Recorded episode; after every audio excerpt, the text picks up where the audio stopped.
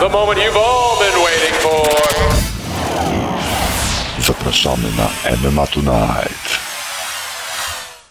Hej kochani, hej kochani, z tej strony Mariusz Olkiewicz się ukłania, a to 258 podcast od InTheCage.pl, czyli MMA Tonight z grubymi turbulencjami, bo już raz ustawiałem ten podcast, ściągałem go, potem mieliśmy typowanie, dzisiaj go ustawiłem na godzinę 16.30, miał być pan Malinowski, wziął dzień wolny, ale pan Malinowski nie dał rady i na zastępstwo o godzinie 20 wchodzi potężny e, Karol Emski, czyli Karol Mikieński, kolega mój redakcyjny, witam serdecznie.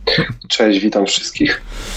Uratowałeś podcast, bo miałem już siedzieć, ale nie, byłem, gada, gadałbym sam. Już dwa razy miałem to, miałem tak, tak zrobiłem, bo kiedyś uznaliśmy, że nagrywamy mimo wszystko i, i było tak dwa razy, że gadałem sam y, i to gadałem sam bez czatu, tylko bo miałem tematy, które miałem omówić, omawiałem je sam do siebie i potem to wrzucałem z odtworzenia to było, więc już w ogóle całkowicie e, całkowicie chory pomysł, no ale, ale jest. E, dajcie znać, czy nas e, słychać. przede Nazywamy też. Jeszcze raz? Mówię, że nazywa prawdziwie sam Coś delikatnie cię przerywa, coś, taki ro robotyczny głos trochę słyszę. Może to a coś. spróbujemy, O. spróbujemy teraz. Teraz lepiej, no. Dobra, to miałem na myśli po prostu, że to taki byłeś e, samotny rycerz na białym koniu, ale sobie poradziłeś, więc Tak. Dokładnie tak było. E, Będzie dzisiaj z nami gość, natomiast nie chcę zdradzać kto, ale to będzie jeden z uczestników e, KSW 69. Natomiast e, czekam na. e, Wpadli do nas na 15-20 minut, e, e, z tym, że no nie wiem o której, nie wiem czy zaraz, czy pod koniec, czy kiedy, ale mam dogadane, że w ciągu tych półtorej godziny się pojawi. Wtedy bezpośrednio przejdziemy do jego e, walki, a tymczasem możemy zacząć od e, KSW 69, bo o tym głównie będziemy rozmawiali. Oczywiście potem przejdziemy na, na czat do tematów bieżących, Krzyk Jotko, Wotore, to co w, oczywiście w tytule i tak, dalej, i tak. Natomiast najpierw chciałbym po prostu sprytnie, szybko, sprawnie podsumować KSW 69, a potem przejść na e, czat i tam, mm, i tam z wami porozmawiamy z Karolem. Będziecie mieli pytania do mnie czy do, czy do Karola, to śmiało, śmiało walcie. Jest też tutaj e, Martyna grasuje, także jak będziecie mieli do niej pytania, to też na pewno wam odpowie albo ja w jej imieniu. I przechodzimy do KSW 69. No i Karol, tak naprawdę to od czego chciałbym zacząć, bo byliśmy tam obaj. E, ty byłeś od ważenia, ja byłem od Media Dayu. Ja wiem e, e, i czasem ja zdaję sobie z tego sprawę, że może mieć zakłamany trochę obraz osoby, które są na miejscu, mają zakłamany trochę obraz każdej gali. I ja tylko ja nie uważam, że my na tym tracimy i że jest zakłamany obraz na minus. Zdecydowanie nie, ponieważ chodzimy na galę MMA, zainteresowaliśmy się się tym MMA, bo się lubimy emocjonować. Ten sport daje olbrzymie emocje i jeżeli ja, moja ocena gali wy, wy leci do góry, bo byłem na miejscu i mi się podobało, to nie będę za to nikogo przepraszał, że mi się podobało. E, Niemniej jednak wydawało się, że może ta euforia moja jest jakaś dziwna i to tylko ja, mi się tak wydawało, no ale potem, e, no i tutaj Maliny brakuje, bo on nie jest, nie jest takiej euforii po tej gali e, i trochę śmieszkował z nas, ale ja rozmawiałem z, naprawdę z różnymi osobami i dzisiaj też o tym rozmawiałem z różnymi zawodnikami na Media Dayu i pytałem o to e, też WC, jak byłem wczoraj, też o tym rozmawiałem i na czacie i my na miejscu. E, Dla mnie 8 na 10 być może, w sumie te dwa to nie wiem, może byłaby publika, może jakby dziewczyny lepszą troszeczkę walkę, bardziej ciekawszą, bardziej ciekawą, to może wtedy bym podciągnął tą ocenę, ale naprawdę bardzo blisko tej dziewiątki, bo średnio się było do czego przyczepić, może więcej walkopas, może więcej walk, może większe nazwiska, no może te parę rzeczy by na to wpłynęło, ale to jest taka najmocniejsza możliwa ósemka chyba, jaka mi przychodzi do, do głowy. E, Karol, jakie są twoje odczucia, nim przejdziemy do poszczególnych walk na temat e, całego wydarzenia, no bo dla mnie gala roku na dzień 28 kwietnia.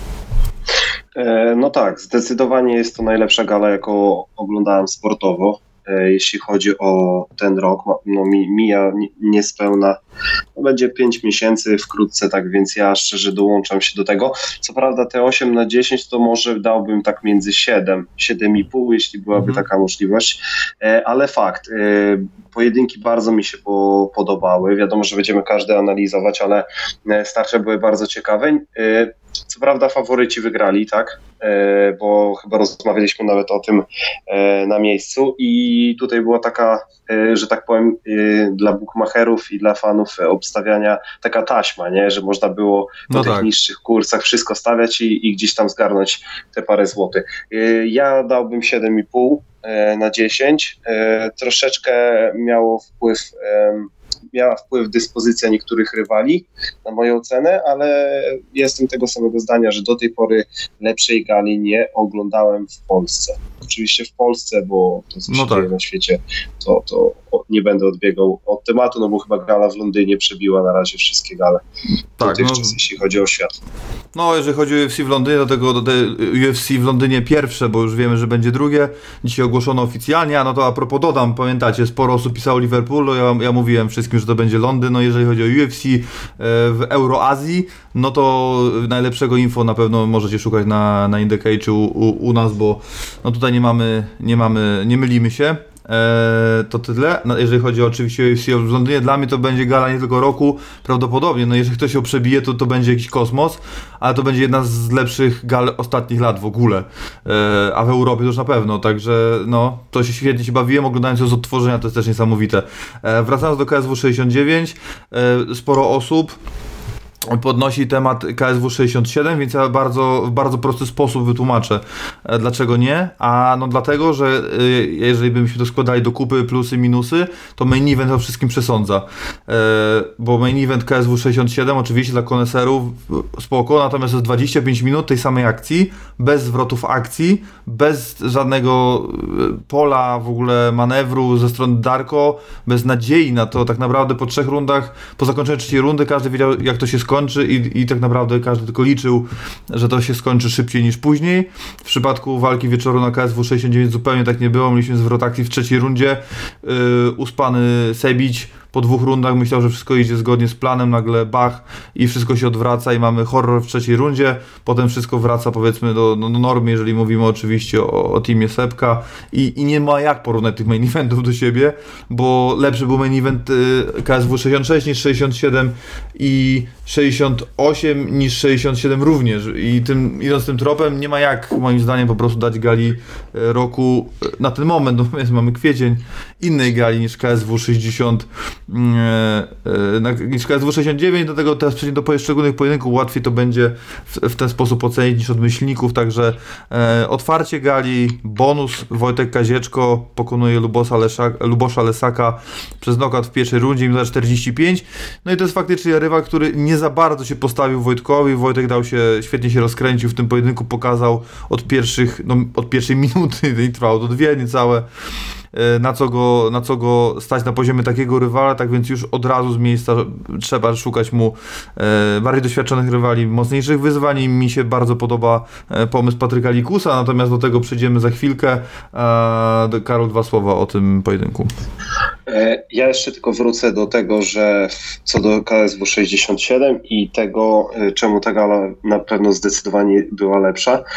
Zanim obejrzałem pojedynek Sepka Przybysza, to mówiłem, że brakuje mi na tej karcie wagi ciężkiej, a jednak, e, jak się okazuje, niekoniecznie musi być waga ciężka, niekoniecznie muszą być ciężkie ciosy, żeby się dobrze oglądało jakiś pojedynek, w którym są też ciosy, po których zawodnicy padają i tym przykładem właśnie był Sebastian Przybysz i Valerson Martins. Dobra, jeśli chodzi o Wojtka Kazieczko i Lubosa Lesaka, no to e, tak jak spodziewałem się przed pojedynkiem, uważałem, że to był rywal ułożony definitywnie pod Wojtka, e, a żeby pozwolić mu wejść e, z tym 1-0 rekordem e, po walce na kontenderze do, do tego KSW, tak delikatnie mówiąc, no bo spodziewałem się, że Lubosz Lesak po prostu wejdzie i będzie próbował gdzieś za wszelką cenę przetestować Wojtka Kasieczki zapasy, czy, czy też sprowadzenie jego do parteru. No niestety myliłem się co do tego, no a Lubos Lesak niestety no, nie pokazał kompletnie nic. co też mnie e, troszeczkę zasmuciło. Mhm. No tak, no tutaj to jest taka walka, no, no minuta 45, no, do jednej bramki mówić, to do jednej bramki, to ja mówię to raczej o takich walkach, które trwają przynajmniej ze dwie rundy, e, żeby mówić do jednej bramki i, i nie ma tam zwrotów akcji, tak jak właśnie The Free Stosi, to jest modelowy przykład walki do jednej bramki, to ciężko powiedzieć, bo trwało to po prostu dwie minuty, świetny występ Wojtka Kazieczki, ja chcę więcej e, i sprawdził się na poziomie, no tak to trzeba nazwać, no sprawdził się w KSW, może nie na poziomie KSW, bo obaj debiutowali, ale w KSW, do mamy teraz czasy via play, one trochę są inne i trochę inaczej trzeba o KSW mówić w pewnych, innych słów używać pewnych, przy pewnych sytuacjach. No niemniej jednak świetny występ. E, Patryk Ligus pisze maturę w maju. Myślę, że e, skupię się teraz na tym. Myślę, że sierpień, walka z Wojtkiem to będzie coś, coś naprawdę spoko, także ja bym, to, ja bym to widział. A jak co się wydarzy, e, zobaczymy. Na pewno starcie będzie interesujące, no i z pewnością w większości odbędzie się w stójce, także gdzieś to tak, tak to widzę, a Luboża nie będziemy szukali rywala. Śmiało możemy przejść do walki Paweł Polityło, Patryk Chrobak yy, i tutaj naprawdę no, szacun dla Patryka Chrobaka za charakter, szacun dla Pawła Polityło za to, że pokazał najbardziej, jedną z najbardziej efektownych walk w ogóle w swoim wykonaniu w KSW, do tego jeszcze e, świetną walkę w klinczu. Pier, tak, no dawno nie pamiętam, tak, tak ciekawego klinczu, walka toczyła się gdzieś pewnie w ponad 50% w nim, ale nie było nudy, kolana, ciosy, yy, świetne akcje, naprawdę i technicznie, i widowiskowo, naprawdę yy, super, super starcie w kategorii koguciej. Paweł Politowo ponownie potwierdza. No tutaj nikt się nie mylił z nas, yy, ty pewnie to widziałeś ten pojedynek przed podobnie, że walka pójdzie dla Pawła na decyzję, no nie było zaskoczenia, 30-27 dla zawodnika SBG Ireland. E, tak, ja w ogóle chciałbym też dodać, że e, duży ukłon do Łukasza Bosackiego, trenera, e, przepraszam, sędziego głównego, bo też miał chłop cierpliwość to, to co tam się mhm. działo z tymi główkami, e, łokciami, kolanami, e, że tak powiem, na suspensor i, i tak dalej, no to, no to jednak Łukasz musiał e, cały czas mieć gdzieś chłodną głowę i, no i gdzieś być czujny. Byłem mega, mega, mega zaskoczony, że nie odejmował punktu za punktem, bo, bo w tym pojedynku można by było spokojnie, no przynajmniej dla jednego z zawodników odejść. To tak nie wpłynęło, wydaje mi się, na ten werdykt, no bo Paweł jednogłośną decyzję sędziów pokonał Patryka Chrupaka. Bardzo mi się pojedynek podobał. Rozmawialiśmy po tym pojedynku w Mediarumie i tak jak jedno, jednostronnie określiliśmy, że, że fajna taka tajska walka, nie, w MMA, mm. to, to było dobre i ten clinch tajski był bardzo dynamiczny, też mi bardzo się podobało. No niestety Patryk Chrobak no nie miał za wiele do powiedzenia, uważam, że gdzieś tam zgasł e, i ta fizyczna siła e, Pawła Polityła udowodniła, że jest, jest, no nazwę to weteranem KSW w tych twardych bojach. No słuchaj, no jedna rzecz, o której też trzeba pamiętać, to Patryk Chrobak.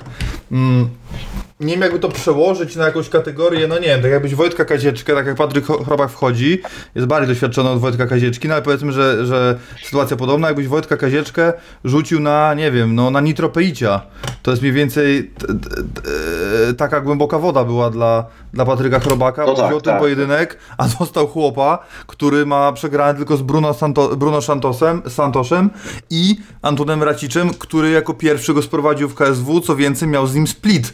E, także lepiej to już tylko Sebicz się pokazał, więc e, no naprawdę, tutaj wielki szacun dla Patryka Chrobaka za charakter, że te trzy rundy no, wytrzymał, to też nie jest takie adekwatne, bo on też tam się odgryzał, ale tak, no, tak. żadna walka w jego karierze z pewnością nie dała mu więcej niż, niż to starcie z Pawłem. Kurczę, ale stracił zdrowie, naprawdę Patryk Chrobak, ja mam nadzieję, że dotrze do niego no, mój głos i jednak naprawdę chciałbym go pochwalić mega za, za to, ile ciosów przyjął. To, że się odgryzał, to zdecydowanie pokazało, że Patryk Chrobak może dostać kolejny pojedynek w KSW, a wręcz powinien dostać ten kolejny pojedynek, ażeby udowodnić, że nawet w starciu z zawodnikiem gdzieś tam niżej notowanym e, jest w stanie pokazać się z lepszej strony. I tak jak ty wspomniałeś na przykład, że zobaczyłbyś Wojtka Kazieczkę z Patrykiem Likusem. Ja bym go zobaczył, Wojtka Kazieczkę z Patrykiem Chrobakiem. E, uważam, że fajny pojedynek mógłby się z tego wywiązać, bo Patryk Chrobak przyjął równie dużo ciosów i myślę, że no, byłoby ciekawie. Wszystko super, tylko w takim wypadku Patryk by musiał dywizję podwyższyć. Tak, tak, tak, tak, tak, tak. Aczkolwiek ja mówię bardziej pod, pod kątem stylistycznym, bo tam było mhm. bodajże e, różnica wagi była chyba nie taka wielka, jakbyśmy mogli sądzić, powiedzmy między 7-0 a e, dywizją powiedzmy 6-1, ale bardzo mi się podobał Patryk Robak w tej walce i uważam, że jeśli powiedzmy gdzieś tam by się udało, to te starcie bardziej by mi e, siadło niż z Patrykiem Likusem. Patryka Likusa widziałbym właśnie z kimś innym, ale to nadrętny już myślę temat. Na co z Pawłem Polityło? No bo mieliśmy też o, chwilę okazję z nim, z Kubą z nim porozmawiać na, na, na afterze. No on powiedział, że te, te, te jakby jest trochę taki e, zirytowany tymi drabinkami, no to już mówił o tym na Media Dayu, to już nie będę tego powtarzał. E, e, ale najzwyczajniej w świecie, no jakby opcji jest wiele, no bo można de facto mu dać Martinsa i będzie super starcie. On trochę rewanży nie chce, więc ten Martins będzie jakimś całkiem, całkiem niezłym pomysłem. Nie chce Antuna, nie chce Santosza, no jedyne co go interesuje go opasno, jak będzie to rewanż, jak rewanż będzie opasno to ok. E, no więc w sumie Martins by się sklejał, no bo Paweł Politowo naprawdę tych zwycięstw w tej dywizji ma e, bardzo dużo i na tle i tej karty i tej dywizji jest weteranem KSW w kategorii do 61 kg. No to pytanie, czy Martins to już, to, to, to, jest, to, jest, do, to jest ten moment, to jest dobry pomysł, no bo w sumie pokazał się naprawdę nieźle. Druga opcja, no to jest e, Zuriko, no bo e, raczej i ranking też to pokazał, czy komuś się podoba, czy nie, że no jednak Kuba Wikłacz został naj, najwyżej w tym rankingu i to Kuba Wikłacz będzie e, e, kolejnym rywalem Sebastiana Przybysza. No co, co sprawia, że Martinsa trzeba zostawić albo z Zuriko, albo z Pawłem, no albo Pawła z, e, z Żożułą. Jak ty byś to ustawił? E, tak, no to powiem szczerze, że ja sam osobiście Pawła Polityło zestawiłbym z Zuriko. Na pewno nie, może na pewno, kurczę, żeby też e, nasi słuchacze źle mnie nie zrozumieli. Ja bym jednak chciał, żeby osoba, która będzie walczyć o pas, miała przynajmniej ten win streak z dwoma zwycięstwami. No i uważam, że jednak chciałbym, żeby Zuriko z Pawem Polityło powalczyli powiedzmy o tego pretendenta do starcia z Sebkiem, a jednak Kuba Wikłacz, tak jak wspomniałeś, w moim odczuciu zasłużył też na to, żeby dostać ten rewanż po, po tak efektownym zwycięstwie nad Antunem, nie? Więc tutaj Paweł Polityło moim zdaniem mógłby się zmierzyć z Zuriko i ten pojedynek byłby naprawdę fajny, no bo też pamiętamy starcie z Zuriko mega dynamiczny, mega fajny zawodnik z super zapasami. E, Paweł Politeo też słynie z bardzo dobrych zapasów, nawet sam mi przypominałeś, przypominałeś na gali KSW 69, że, że to był zawodnik, który sprowadził Antuna Racicza. E, tak więc tak, no. No to, to pojedynek z Urico Paweł Politeo. No i jakby i tym samym wychodzi nam starcie Santos Martins, brazylijsko-brazylijskie. Dokładnie, dokładnie. Derby Brazylii. E, ja nie wiem, bo wiem, nie pamiętam, czy oni, nie no, z tego samego klubu to chyba nie są, bo chyba Martins jest, Martins jest z Nowa Uniao, tak? A... Tak, tak. On trenuje z Aldo, tak. E, trenuje z Aldo, a e, Bruno Santos trenuje z Charlem, Charlesem Oliveirą. Olivero, dokładnie. Tak, ale klub, nie pamiętam, jak się y, klub Charles Oliveira nazywa. A, no. kurde, tam tych klubów to pewnie przez fawelę byś przeszedł, to ze 30 byś spotkał. tak, ale to jest, to jest, trochę bardziej, kurde, na pewno nam podpowiedzą zaraz na czacie, jak się nazywa ten klub, bo to nie jest anonimowy, to jest jeden z bardziej znanych, no ale nie pamiętam, bo faktycznie jakoś ten brazylijski, jeżeli chodzi o Brazylię, no to jest trochę tak jak mówisz, więc e, to najlepsze jest to, że przejdziesz przez te kluby i tam w zasadzie no, 100 zawodników znajdziesz, ale e, i naprawdę wielu różnej klasy, ale na pewno paru takich, że można się, można się e, mhm. czegoś nauczyć. Piszę tutaj walki, że Jakub Kamieniarz też był Charlesa. No właśnie, nie mogę sobie przypomnieć. No nie, to nie jest Team Nogueira, nie jest to... No nie mogę, nie przypomnę sobie teraz tego klubu. Wiesz co, zaraz jeszcze zobaczę, ale tutaj na czacie też Patrick Green napisał, że Polityło versus Wikłacz i Anton versus Ojuja, czy Jojuja, nie chcę tam przekręcić. E, wiesz co, no wszystko w spoko Patryku, dla mnie też te pojedynki bardzo by się spodobały ale problem później byłby Lasebicza. No tak, no wtedy Sebek bez rywala, no. Dokładnie. No Ale no. starcie jak najbardziej na plus. Dobra. Dobra, no to mamy to, przechodzimy w takim razie do kolejnego starcia. Dwie kategorie wagowe wyżej, kategoria, czyli, czyli dywizja półśrednia. Artur Szczepaniak, Żywko Stojmenow. E, Artur Szczepaniak poddaje Bułgara w pierwszej rundzie 4-28. No i to jest właśnie ta walka, w której to jest taka sama sytuacja jak y, Polityło Chorobak. Chorobak naprawdę zasługuje na drugą szansę, nie ma mowy o, o, o zwalnianiu, jest go z kim zestawić i to jest dokładnie ta sama sytuacja. I, I Żywko miał taką rolę trochę spełniać i my wiedzieliśmy, że trochę tak będzie, że albo on, albo jego e, w tej kategorii taki ktoś się przyda, bo no, jak sobie wyobrażam, wiem, że to, to wiadomo, że drabinga na to nie pozwala, ale Żywko Stojmenow, Tomasz Romanowski, to ja już nie mogę się do doczekać. To złoto, po prostu no rewelacja. Tomek, którego się nie da położyć na deski, plus Stojmenow tą swoją stółką z tymi rozpuszczonymi rękoma, no coś pięknego. Natomiast no wiadomo, że to w fazie na razie jest to totalnie nierealne, bo Tomek prawdopodobnie No. będzie się biło pas, ewentualnie tymczasowy pas. Nasz Żywko jest po, po rastę w debiucie, także to się może w ogóle nigdy nie wydarzyć. Niemniej jednak e, Żywko po prostu ze względu na swój styl pasuje tak, tak wielu zawodników, że być może z kim go nie zestawić, to zobaczymy świetny, emocjon emocjonujący pojedynek. Co więcej, złożył Artura Szczepaniaka i teraz tak naprawdę pytanie, ilu zawodników po tym, co zrobił e, Żywko, znaczy Artur, Żywko ud- uderzył, a Artur jakby złożyła mu się ta noga, przyklęknął, jakby nie jakkolwiek to nazwać. Yy, ilu zawodników zadziałałoby na zasadzie autopilota i poszło po te nogi? To był odruch, to nawet nie ma mowy, że to była akcja planowana, było tak szybko zrobione, że nie ma mowy, żeby, że to nie był odruch, yy, w zasadzie, no nie wiem jak go nazwać w tym wypadku, wyuczony, chciałem powiedzieć bezwarunkowy, ale to chyba tu nie pasuje, tylko wyuczony i, i, i wszedł ten autopilot i on uratował, i uratował tak naprawdę Artura, który pod koniec rundy e, odklepuje Żywko i, i wraca z bardzo dalekiej podróży. Artur Szczepaniak no, pokazał się ze świetnej strony. Ja niestety widziałem tylko ułamek tej walki, więc y, nie będę tutaj lał wody i też nie chciałbym, żeby nasi słuchacze słuchali jakichś tam powiedzmy mongolskich moich historii, więc powiem krótko. Artur Szczepaniak w kolejnym pojedynku bardzo bym chciał, żeby się zmierzył e, z kimś właśnie z top piątki e, naszego rankingu KSW, a co do Żywko ciężko mi powiedzieć, no po porażce no to wypadałoby dać mu kogoś e, po porażce. No, najprościej po prostu tak zestawić tych zawodników, bo ja osobiście nie śledziłem jego kariery i też nie znam jego mocnych stron poza tym, co zaprezentował w tej walce, czyli ten cios, który, po którym Artur przyklęknął, no ale później już widzieliśmy, co się działo. E, cóż mogę powiedzieć, Artur Szczepaniak e, tak naprawdę nie pokazał za dużo, poza tym, że na tym, jak wspomniałeś, autopilocie chwycił żywko i, i, i go skończył. Nie? No, no tak, no no wiadomo, natomiast e, jasne jest to, że no, trzeba mu te e, umiejętności, no bo wiesz, to też nie jest proste, dostajesz knockdown i w tej samej rundzie jesteś w stanie e, nie tyle tam, wiesz, wejść w wymianę na, na jakąś ledwo czaisz, co się dzieje, no tylko jesteś w stanie jeszcze sprowadzić, skontrolować, dojść do pozycji kończącej i wykończyć rywala i go finalnie odklepać. No nie jest to takie oczywiste i, i to jest taka e, umiejętność, która no naprawdę, no, myślę, że nie wiem, czy da się to nabyć po prostu. Są pewne rzeczy wiadomo, też doszedł do siebie, no bo to był początek rundy, tam skończył go pod koniec pierwszej rundy. E, no ale, e, no, no, no, wiesz, to też jest młody chłopak, tak? No, rekord jest dobry, wiadomo, i, i zbliża się do, dopiero tam do, do dziesiątej walki, chyba jest po dziewięciu, tak? Ale, ale no jest młody, więc to wiadomo, że to nie jest tak, że my teraz czekamy, że Artur, następna walka i potem to już e, nam, nie wiem, Grzebyk, Soldicz, Bartos, natomiast e, no pokazał się dobrze i, i, w zasadzie nie, ma, nie będzie problemu ze znalezieniem dla niego przeciwnika, no. Powiem tak, jeśli chodzi o Żywko, to tak w ogóle wracając do niego, to fajne starcie w sumie, w sumie by było z Michałem Michalskim, Tak. e, bo fajnie też Michał walczy w stójce bardzo efektownie.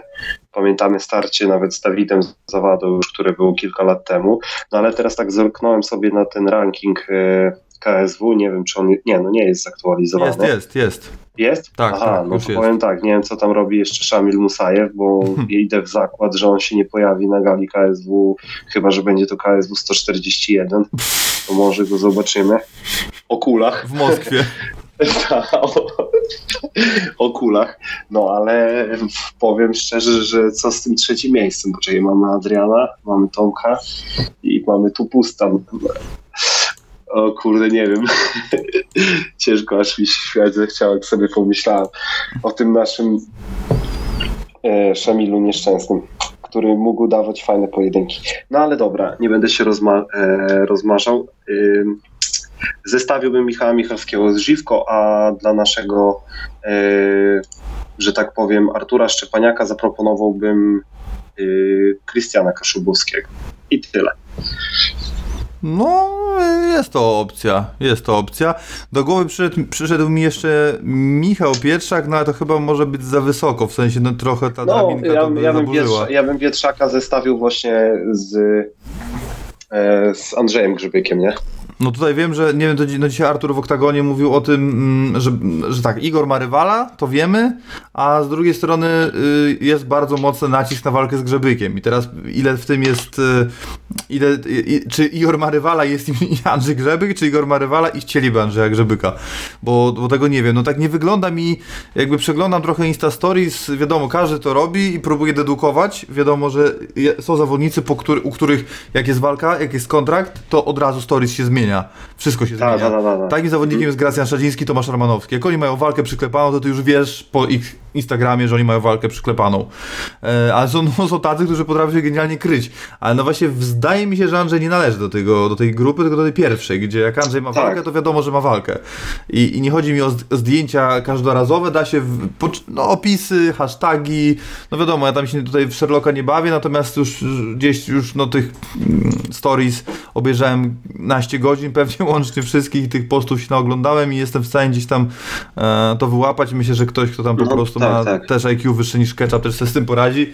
E, y, no i to i u Gracjana od razu jest, u Gracjan to prawie ogłasza te walki już na tym Instagramie.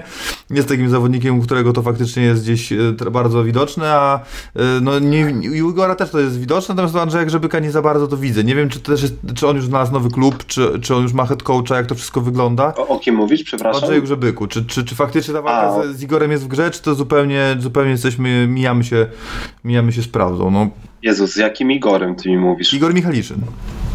A, z Igorem Michaliszynem, przepraszam, bo ja cały czas y, za pierwszym razem usłyszałem Ion, bo pamiętajmy, A, że mamy jeszcze Iona Surdu, mamy Mirosława Bruża, który zremisował z Adamem Niedźwiedziem. Ogólnie powiem tak szczerze, e, dantejskie sceny w tym 7-7, tam by można było normalnie Można. całą kartę ulepić e, na jedną galę. No ale tak, y, powiem szczerze, że fajny tutaj pomysł był właśnie e,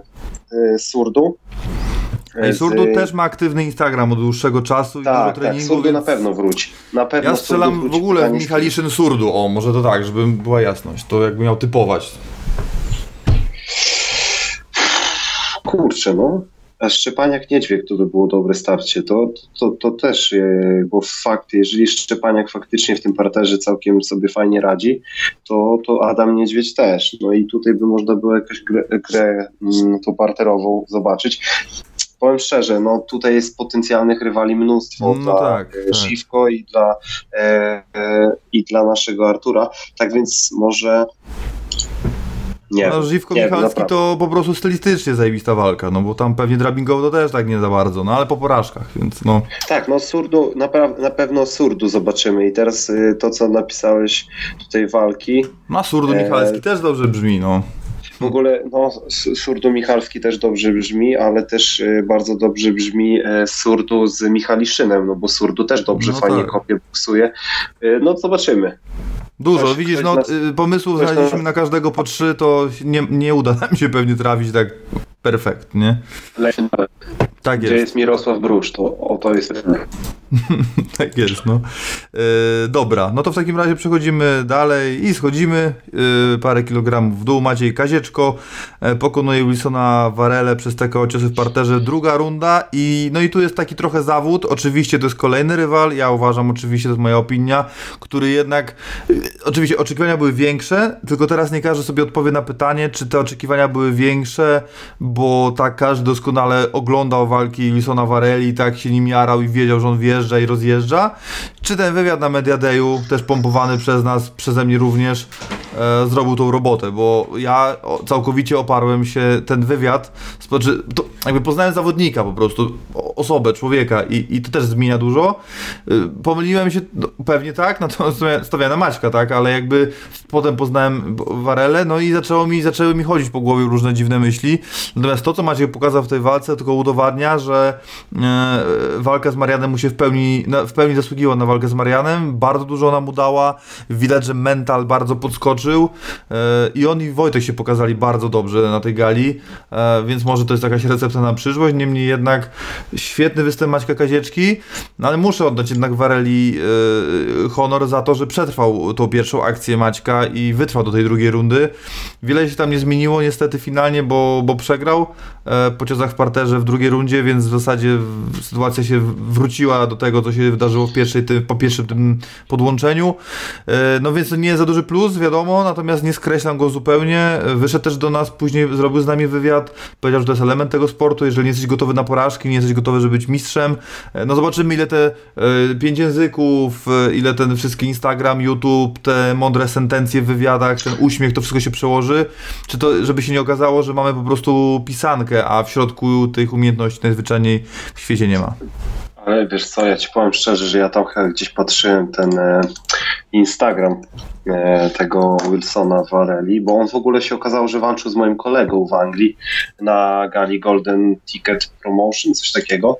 E, to powiem ci szczerze, że ja zobaczyłem sobie ten Instagram tego Wilsona i chłop no se kupił trochę tych e, obserwujących. A, ma wyłączoną opcję lajków chyba, w sensie polubień. Ile, A, ile os- on a. kupił, kupił, bo ja przejrzałem, tam było jakaś powiedzmy e, trochę z całym szacunkiem indyjska, że tak powiem, rzesza, którzy e, niko, nikt ich nie obserwuje, ani wszystkich, o tak nazwę to No tak, delikatnie mówiąc, więc ciekawe na ile ten sporto, na ile te e, wszystkie mm, obserwacje i tak dalej się przekładają na aktywność, ale nie o tym. Co do walki samej, e, ja też oczekiwałem od e, Wilsona Wareli więcej. E, Maciek pokazał naprawdę świetną dyspozycję, naprawdę mega został rozczytany, bo można powiedzieć, że w każdej rundzie, czy to w pierwszej, czy w drugiej, no kontrolował ten pojedynek. Coś tam zebrał, tak, bo widzieliśmy tą, e, kolokwialnie mówiąc, farbę z nosa, ale, ale poradził sobie e, świetnie. No i e, dzisiaj miałem okazję zobaczyć, że Marcin Bilman wstawiał starcz z Maćkiem Kazieczką takie krótkie short wideo, to, przy, to trenowali te, te kopnięcie z tym prawym bezpośrednim po high kicku i, i to weszło też w tym pojedynku. Tak więc widać, że Maciek Kazieczko wrócił po roku z kopyta dosłownie. Mhm. No to się zgadza, tutaj już y, czat zawrzał y, i od razu wy, wyszukują y, ciekawe starcia. Kazieczko Dezme, Warela Jas, Kazieczko Szymański, Warela Backstrom, Warela Legierski, Warela Szadziński, Szymański, y, Legierski, nie, to o tyle. Więc mnóstwo tych pomysłów. Wiemy jak ta kategoria wygląda. Myślę, że dyskusja mogła być podobna jak przy kategorii do 77 kg. Szczerze, no to ja widzę walkę Kazieczko-Szymański, no bo to jest gdzieś ten szczyt. Nie patrz, nie wiem jak ranking wygląda zupełnie. No tak, no trzecia i czwarta pozycja, no to by się sk- sklejało. E, więc Kazieczko Szymański, względnie Kazieczko Dezma jest też jakąś opcją, e, ale no nie ma konfliktu Kazieczko Szymański, no bo Poznań, Poznań, ale dwa inne kluby zupełnie, więc, więc nie ma o czym gadać. E, no, dla Wareli nie wiem, no wiesz, zawodnik wchodzi, wygrywa, e, przegrywa w debiucie, nie będę szukał na siłę e, nikogo tam dla niego. Dla mnie może być to, nie wiem, Artur Kornik-Sowiński, może być to dla mnie Gracjan Szadziński, może to być Mateusz Legierski, jakby tutaj dowolność, bo to nie będę nikogo szukał na siłę, ale ta walka Szymański-Kazieczko mi siedzi, no. Tak, tak. Kazieczko Szymański to fajne starcie. E, nie wiem, ja nie wiem, czy przypadkiem nie obiło mi się uszy, że Szadziński Gracjan ma zmienić dywizję. E, gdzieś to mi się obiło, nie wiem ile w tym jest prawdy, więc takie starcie Czekaj, na 7-7 czy na 6-6? na 7-7. O Jezu. E, Nie wiem, obiło mi się to uszy, ale wydaje mi się, że po prostu teraz jest na takim roztrenowaniu, że może troszeczkę więcej waży i stąd gdzieś tam ktoś pozwolił sobie zażartować. No ja też nie widzę Gracjana w kategorii e, 77 kg, ale to jest taki off-topic Mhm. co do e, tych starć Maćka Kazieczki. No, Roman Szymański z Maćkiem Kazieczką byłoby naprawdę fajne starcie. E, i też przypomnę to, co powiedziałeś na gali KSW 69, że jak dobrą stójkę ma Marion Siłkowski, e, a tutaj zobaczyliśmy świetne, świetną dyspozycję strajkerską Maćka Kazieczki, nie? no to, to możemy sobie odpowiedzieć, na jakim poziomie jest nasz, nasz mistrz. No to w w ogóle jak, jak dobry jest Marian, nie? Jak Mar- ta, ta, no jest po prostu kapitalny w stójce, bo zobaczcie tutaj jak Maciek świetnie boksował, jak świetnie kopał, a, a Marian po prostu, no jakby nie powiedzieć, do jednej bramki z Maćkiem Mm. wygrał. No cóż mogę dodać. Ciekawi mnie tylko właśnie Borys, nie? Co z Borysem, bo A, skoro no tak. jesteśmy przy kategorii lekkiej, no to Sebastian Rajewski jest, przy, przypuśćmy, tym kolejnym pretendentem do pasa organizacji KSW, no ale co dalej z Borysem Mańkowskim? No bo tak, Borysa z Szymańskim nie zestawisz, No z Borys tak Maciek- naprawdę by wychodziło. tak, no. ale czy nie zobaczyłbyś starcia Maciek Kazieczko? Kurde, no Ankos kontra Czerwony Smok to mogły Tak, tak. No, no jest, to, jest, jest, jest, jest jakaś opcja. Muszę, no właśnie, to, to jest trochę, bo na tym ogólnie ranking, już mówiłem, jakby super, tylko ja bym go zrobił za rok, znaczy w styczniu, tego, naj, najbliższym styczniu, no ale jak już go mamy, to nie wiem, czy po prostu są, uważam, pewne kategorie, w których te 5 jest niewystarczające i takimi kategoriami jest właśnie 7.0 i 7.7, bo tak, e, tak. teraz, wiesz, ja nie jestem w stanie na przykład z głowy, bo no, po prostu dla Borysa bym szukał piątki, szóstki, tam siódemki, nieważne, albo szukał po prostu kogoś, kto może dać e, stylistyczny ciekawy, ciekawy pojedynek, no ale to już wiesz, to na tym poziomie Eee, nie wiem, czy to wiesz, Donovan Desmond generalnie ma 1-1, nie? Jakby, pff, jakby no przegrał właśnie, z Romanem, też... wygrał z Łukaszem, no to tak, to, to, to, to nie, nie, widzę, żeby to było jakieś wielkie zagrożenie dla Borysa po prostu, który dał turbo wyrównaną walkę. Nie, bar, bar, myślę, że bardziej by, by elektryzowała polskich fanów starcie Borysa z Maćkiem Kazieczko e, w związku nawet z tymi jakimiś tam animozjami między Ankosem a Czerwonym Smokiem i nawet Maciek Kazieczko mógłby naprawdę sportowo się obronić, bo uważam go za mega dojrzałego zawodnika, mega e, takiego analitycznego i, i pokazał to w starciach z, no, z każdym tak naprawdę. No Marian Ziółkowski po prostu był za dobry tego, tego dnia i myślę przez najbliższy czas e, w zasięgu Mariana nie będzie za wielu zawodników. No jest Sebastian Rajecki, ale, ale jeśli chodzi o, o te starcze, to tak jak powiedziałaś, ta dywizja jest tak napchana, że tutaj szukanie e, starć to jest bardzo łatwe, gorzej z realizacją po prostu. Zobaczymy, zostawiamy to KSW, no obstawiam gorąco, na to liczę, bo wiesz, jakby walka Kazieczko-Mańkowski super, a to by oznaczało, że rozmawiamy pewnie, czekaj, mamy kwiecień, o lipcu pewnie gdzieś, no to też z drugiej strony czekać na Borysa do lipca, no nie wiem jaki on ma plan, no ale wiesz, on walczył w styczniu, więc jednak op, op, chciałbym go zobaczyć najmniej w maju tak naprawdę już, albo najpóźniej w czerwcu, e, no zobaczymy, no generalnie to dwie walki, nie wiem, nie wiem, on też o tym nigdy nie mówił jakoś tak bardzo, bo wielu zawodników podnosiło tematy liczby walk w KSW, ale chyba Borys nie był tym zawodnikiem, który, któremu bardzo zależało na więcej niż dwóch walkach w roku. E, on chyba nawet kiedyś była nawet taka sytuacja, że tam się spiął e, do Filipa na, na ważeniu podczas wywiadów a propos tej liczby walk, że Borys mało walczy. No, on powiedział, że no, jakby większość zawodników na świecie walczy dwa razy w roku i tak dalej, i tak dalej. I, i dla niego to chyba jest optymalna liczba, także, także tak. No, Zobaczymy, no wiadomo, że w przygotowaniach jest, on nigdy chyba nie robi takiego roztrenowania typowego, że jakby w ogóle rozbrat salą na ponad miesiąc czy jeszcze więcej, także Zobaczymy. No nie będziemy, to jest kategoria, w której nie na siłę szukać nie będziemy, możemy śmiało przejść tak, dalej. dalej. Do panie Sara Luzar-Smajcz pokonuje Natalię Baczyńską. Decyzją sędziów e, znów split, e, no i tutaj się możemy pochylić nad tym splitem. Co ty o tym splicie sądzisz? E, no ja, tak, 30-27 dla Sary nie zgadzam się, 29-28 dla Natalii się nie zgadzam. Zgadzam się z jednym z tych trzech sędziów, bo każdy dał inaczej. 29-28 dla Sary, natomiast no jakby w tym wszystkim znów, znów widzieliśmy, nie wiem, 20% Sary. No, wiem tyle od niej, bo rozmawialiśmy później po gali, że nie było jej narożnika, nie było trenera. Jak konia nazywa się trener UFDG? Hipolita, nie było nawet Iwana, nie było. A nie, a nie było przypadkiem u Artura Szczepaniaka jakiegoś trenera z UFDG? Hmm. No, Wydawało nie... mi się, że, że, ktoś był u Artura Szczepaniaka, ale mogę się mylić. Na pewno nie więc... było trener Hippolaj, to jest taki e, tak, tak, grubszy, tak, ja czarnoskóry w okularach, tak, tak, tak. No i nie było jego, nie było Iwana. W okrągłych okularach. Tak, tak, tak. I był brat czy kolega, chyba w ogóle, chyba młodszy brat był w ogóle z kimś tam, z kimś tam jeszcze w narożniku, więc to było to i ona powiedziała, że no jednak wpłynęło to jednak trochę na mental, no niemniej jednak wygrywa. No znów ta walka nie porywa, no ale jest zwycięstwo, ona sobie staje z tego oczywiście sprawę. No niemniej jednak to jest kolejny, kolejna, kolejne e, zawodnik, zawodniczka. E, Chrobak, Stojmeno, Warela, wszędzie widzę punkty e, zaczepne, w których widzę przyszłość. Znaczy liczę, wiem, mam jakiś kredyt zaufania. No i podobnie są Natalii Baczyńskiej, bo realnie miała, nie miała być żadnym zagrożeniem dla Sary. Była zastępstwem 4-5 tygodni. E, miało być do jednej bramki, no ale nie było do jednej bramki i, i, i pokazała się, że jest twarda i postawiła się e, Sarze w swoim debiucie dla KSW. Kurczę, no Mariusz, powiem ci szczerze, no nie porwała mnie Sara. No, pamię pamiętam. Mówisz do mnie to, że słuchaj, no 25%. Kurde, na ostatnim pojedynku mówiłaś, że ile pokazała? 70? Ile tam było? Wtedy? Nie, też 20, też 20. A, też 20, no to mamy 40.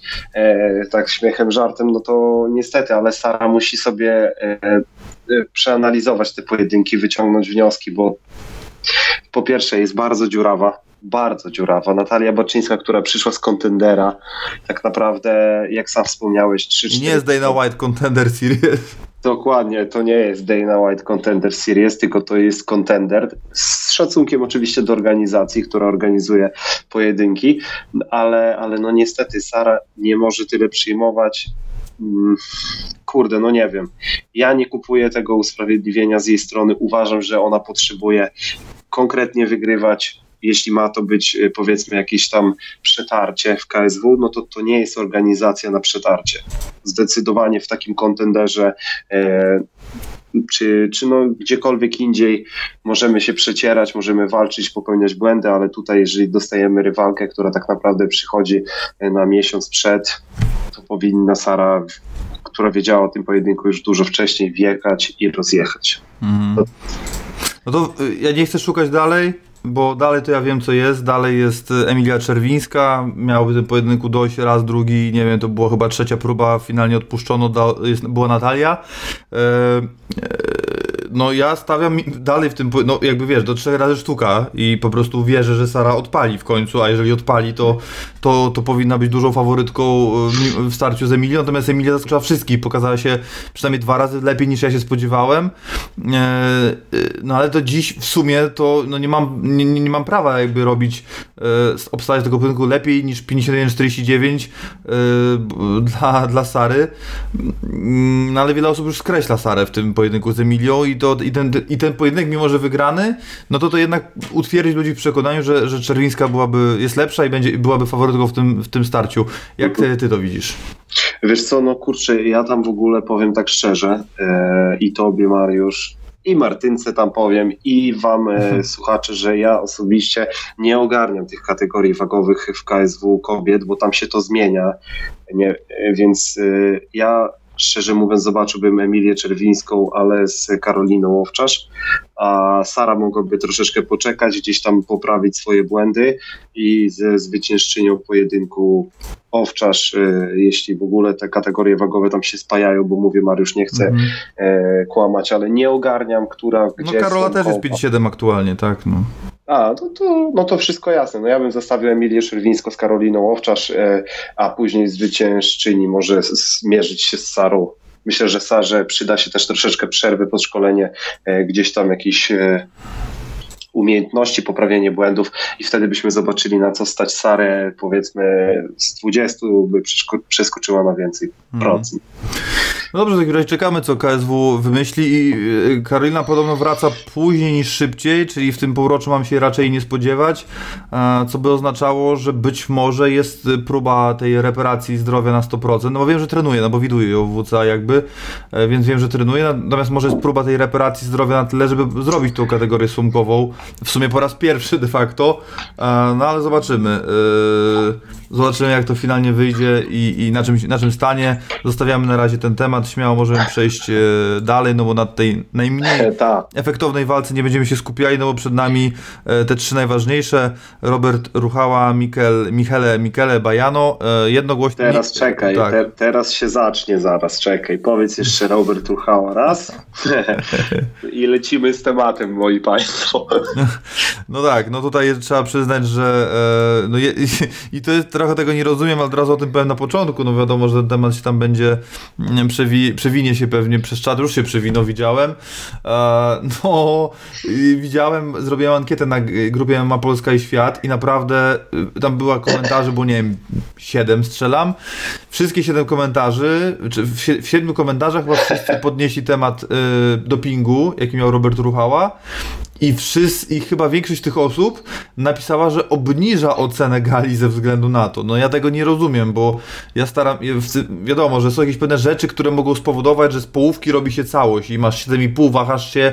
No dobra, ósemka, bo były dwie walki o pas, a nie jedna, bo było 10 walk, a nie 8, jakieś takie rzeczy, drobiazgi, ale obniżyć galę y, ze względu na doping No to nie wiem, jakby były mieszki na trybunach, to obniżam o jeden, albo nie wiem, Bartek Szewczyk wyskakuje do swoich kibiców, to też obniżam o jeden, no nie do końca, no.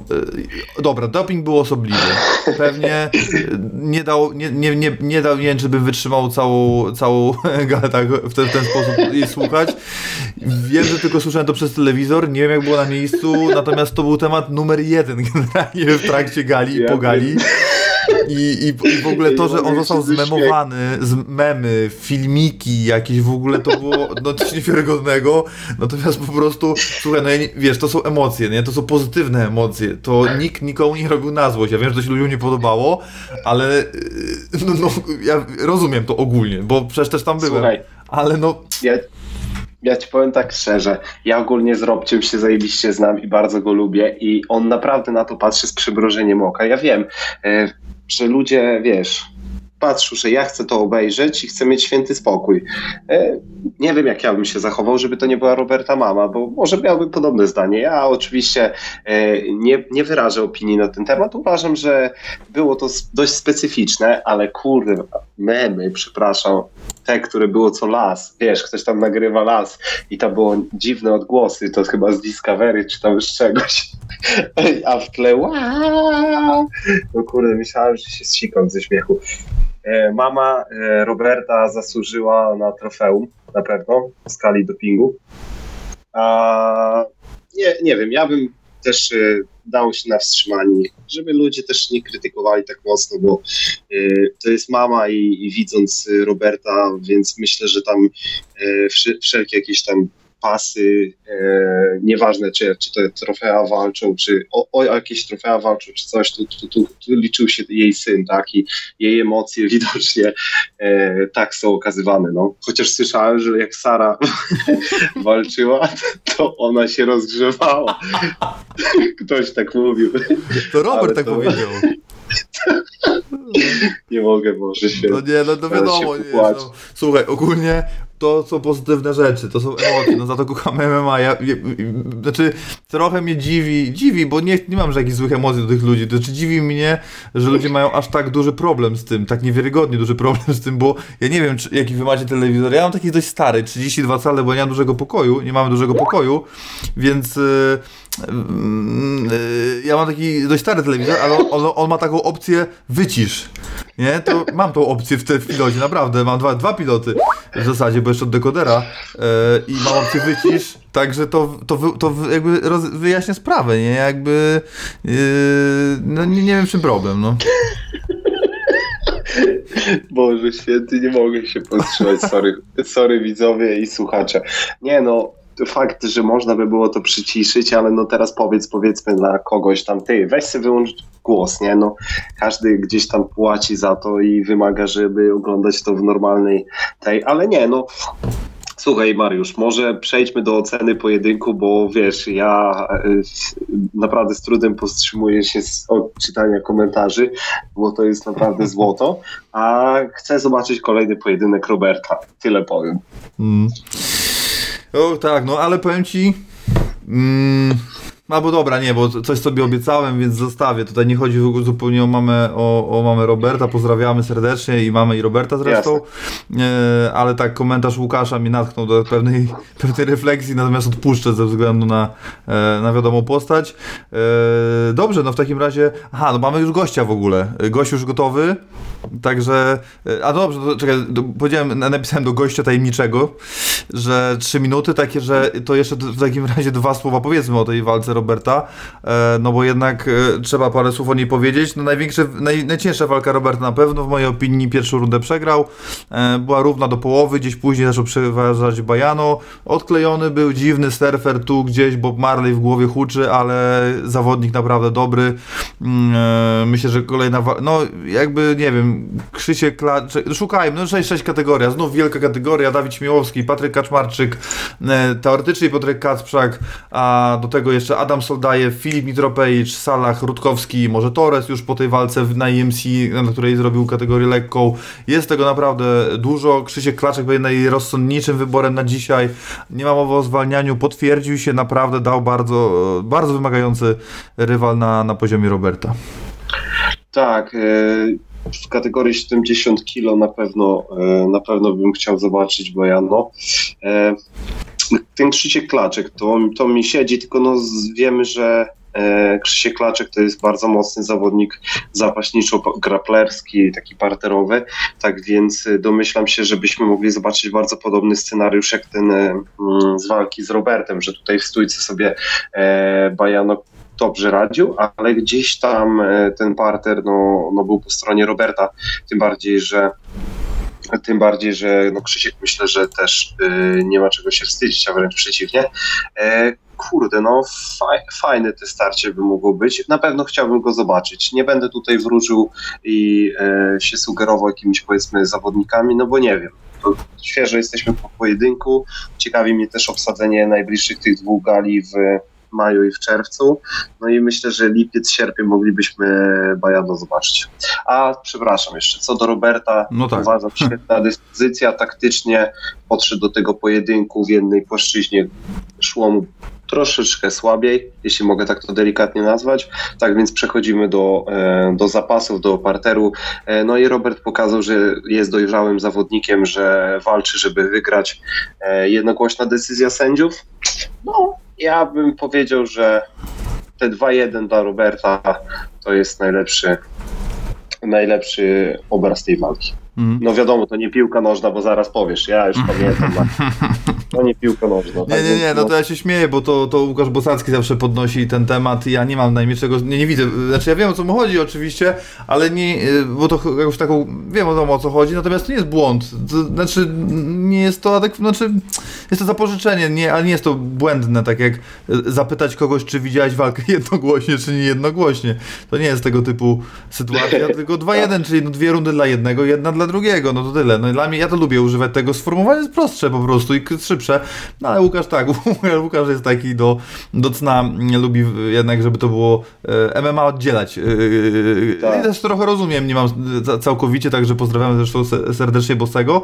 E, no to tak, pytanie, czy Ro- e, Roberta, e, bo teraz kończy się Ramadan Adamowi, czy czekamy na e, Robert i Soldajew, czy Tak, tak, tak. To, to, jest, okej. To jest to, co chciałem od razu, jak tylko byś skończył swój jakże interesujący, e, no, Wywód? swoją jakże interesującą wypowiedź, to chciałem od razu powiedzieć Adam Soldajew, Robert Ruchała. To jest pojedynek, który chcę zobaczyć. Apeluję do Wojka, żeby przesłuchał chociaż, nie wiem, która to minuta jest, ale niech przesłucha.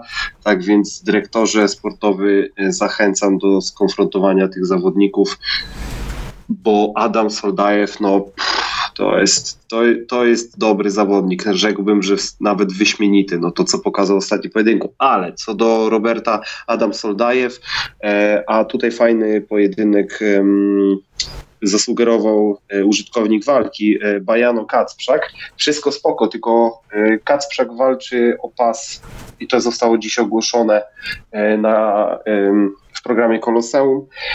Kacprzak walczy z Zorczykowskim, tak więc prędko nie zobaczymy pewnie Kacprzaka w organizacji KSW. Więc raczej, raczej bym patrzył Bajano Klaczek w tę stronę. Okej. No dobra, to w takim razie co? No to ja to, ja to tak zostawiam, no bo prawdopodobnie Kaczmarczyk Śmiałowski to jest to, co się odbędzie, tu nie ma co, nie ma co kombinować, e, więc śmiało wydzwaniamy gościa.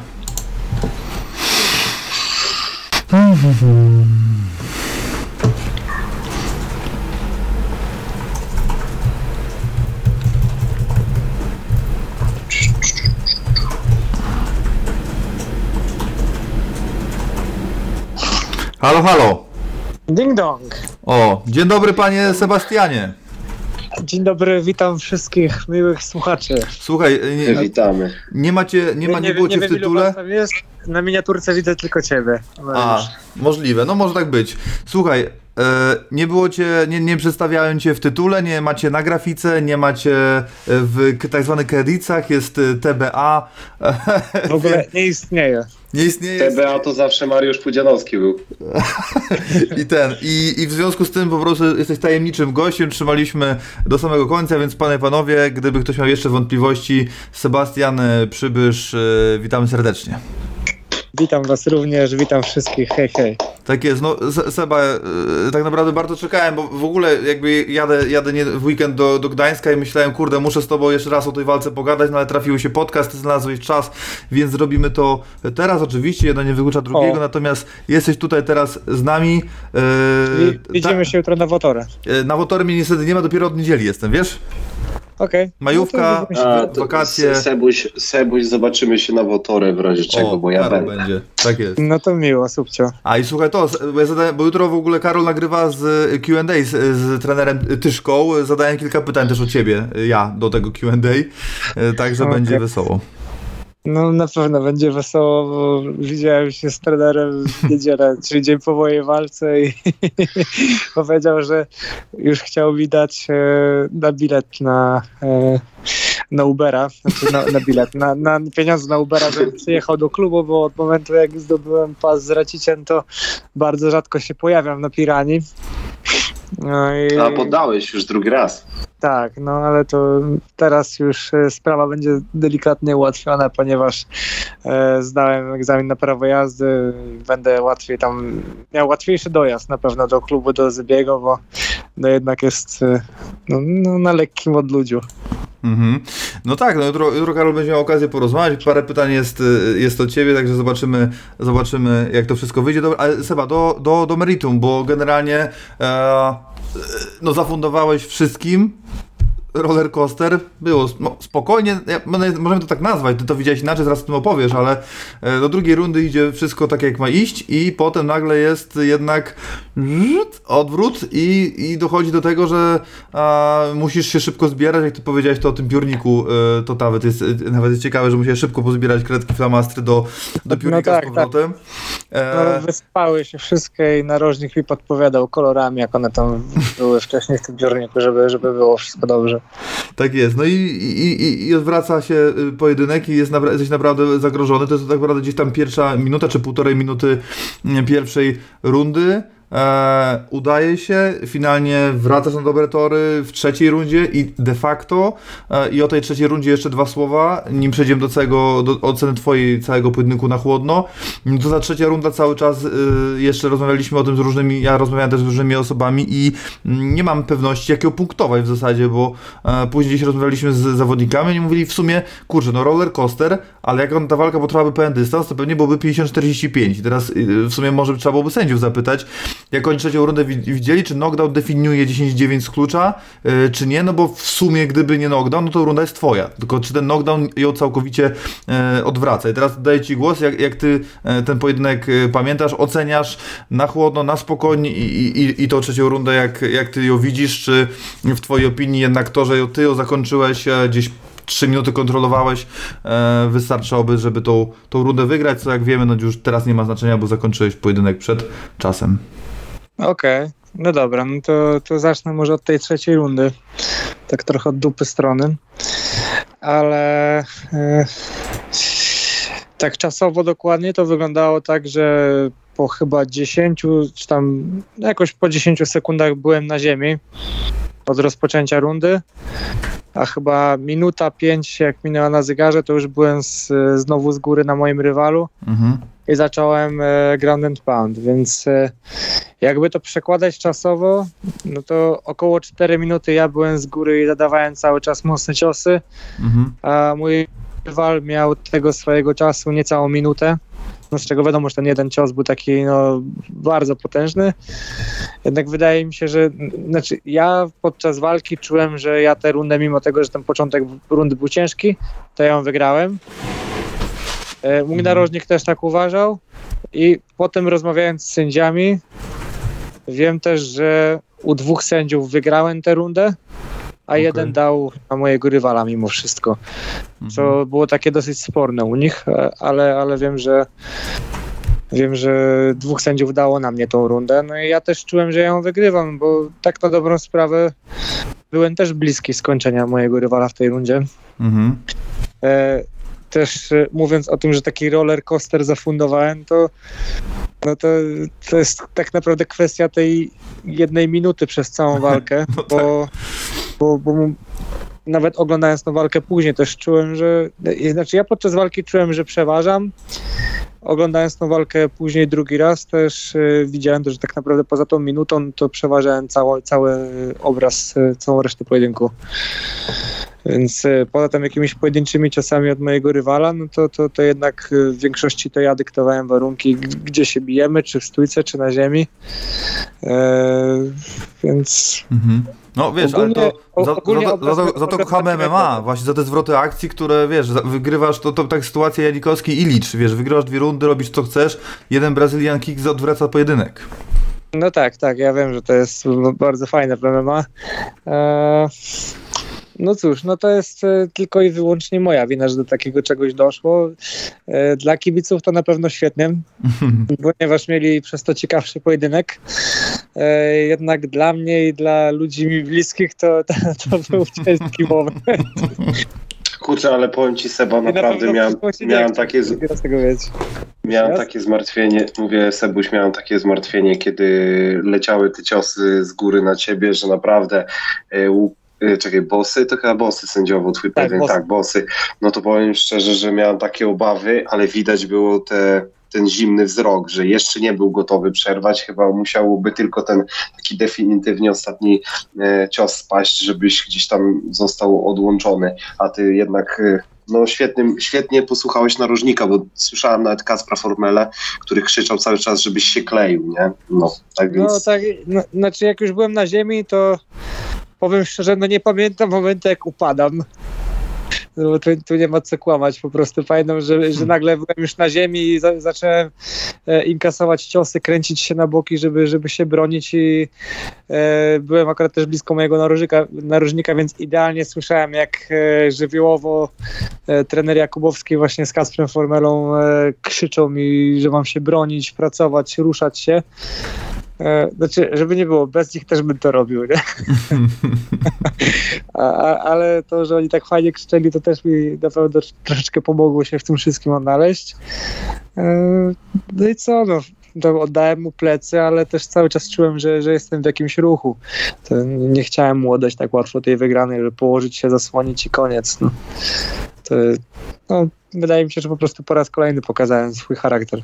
Mm, Słuchaj, powiedziałeś w wywiadzie o tym, mm, do tego charakteru zaraz wrócimy, no bo, bo, bo nawarstwiały się pewne opinie, do tego zaraz przejdę, ale e, no, e, ta rzecz, o której powiedziałeś a propos, że na opierdol przyjdzie czas, no to już ten czas nadszedł, czy jeszcze nie? Nie, jeszcze nie. Na razie byłem na sali na chwilkę, tylko na jednym treningu popatrzeć, jak sobie chłopacy radzą, chwilę porozmawiać z trenerem, ale tak jeszcze nawet nie do końca o walce, jeszcze jej nie oglądaliśmy razem. Mhm. E, ale mimo wszystko trener nawet mi powiedział, że jest dosyć zadowolony z tego, bo powiedział, że no wiesz co, no, no, jest ten jeden moment, który zwaliłem, no bo to prawda, na tej trzeciej rundzie to naprawdę bardzo mocno zwaliłem, bo czułem się, poczułem się zapewnie. Mhm. Poczułem, że e, tą drugą rundę już naprawdę bardzo dobrze wypykałem swojego rywala, gdzieś go tam naruszyłem, byłem bliski skończenia. E, widziałem też, jak on schodził do narożnika, widziałem, jak on wstawał, nie mógł się zebrać. Ale tym wszystkim mnie oszukał bardzo ładnie, bo wyszedł do tej rundy i wyglądał naprawdę też jak świeżynka na samym starcie.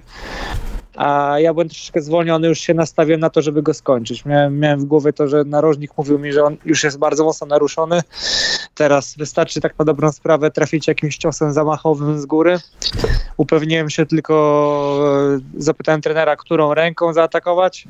Powiedział, że prawą i powiedział, że tak moja pierwsza myśl była, dobra, okej, to zaraz strzelę tym prawym i on pewnie padnie.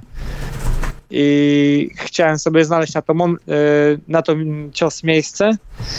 Jednak e, nie zrobiłem tego z ruchu, tak jak ja to zawsze robię, że tam prac- wypracuję sobie jakąś fajną pozycję, tylko ja już byłem tak nastawiony, że już naprawdę gdzieś tam ustanąłem w miejscu, zaraz się cofnąłem i po prostu wszedłem z nim w tą wymianę, który, e, w której mnie trafił. A to był bardzo głupi pomysł, bo no jednak za mocno bił ten, ten rywal na to, żeby stać naprzeciwko niego i się po prostu wymieniać ciosami. E, więc no to jest e, moja wina. Następnym razem nie popełnię już tego błędu, już nie będę taki rozluźniony, będę e, zabójcą z zimną krwią.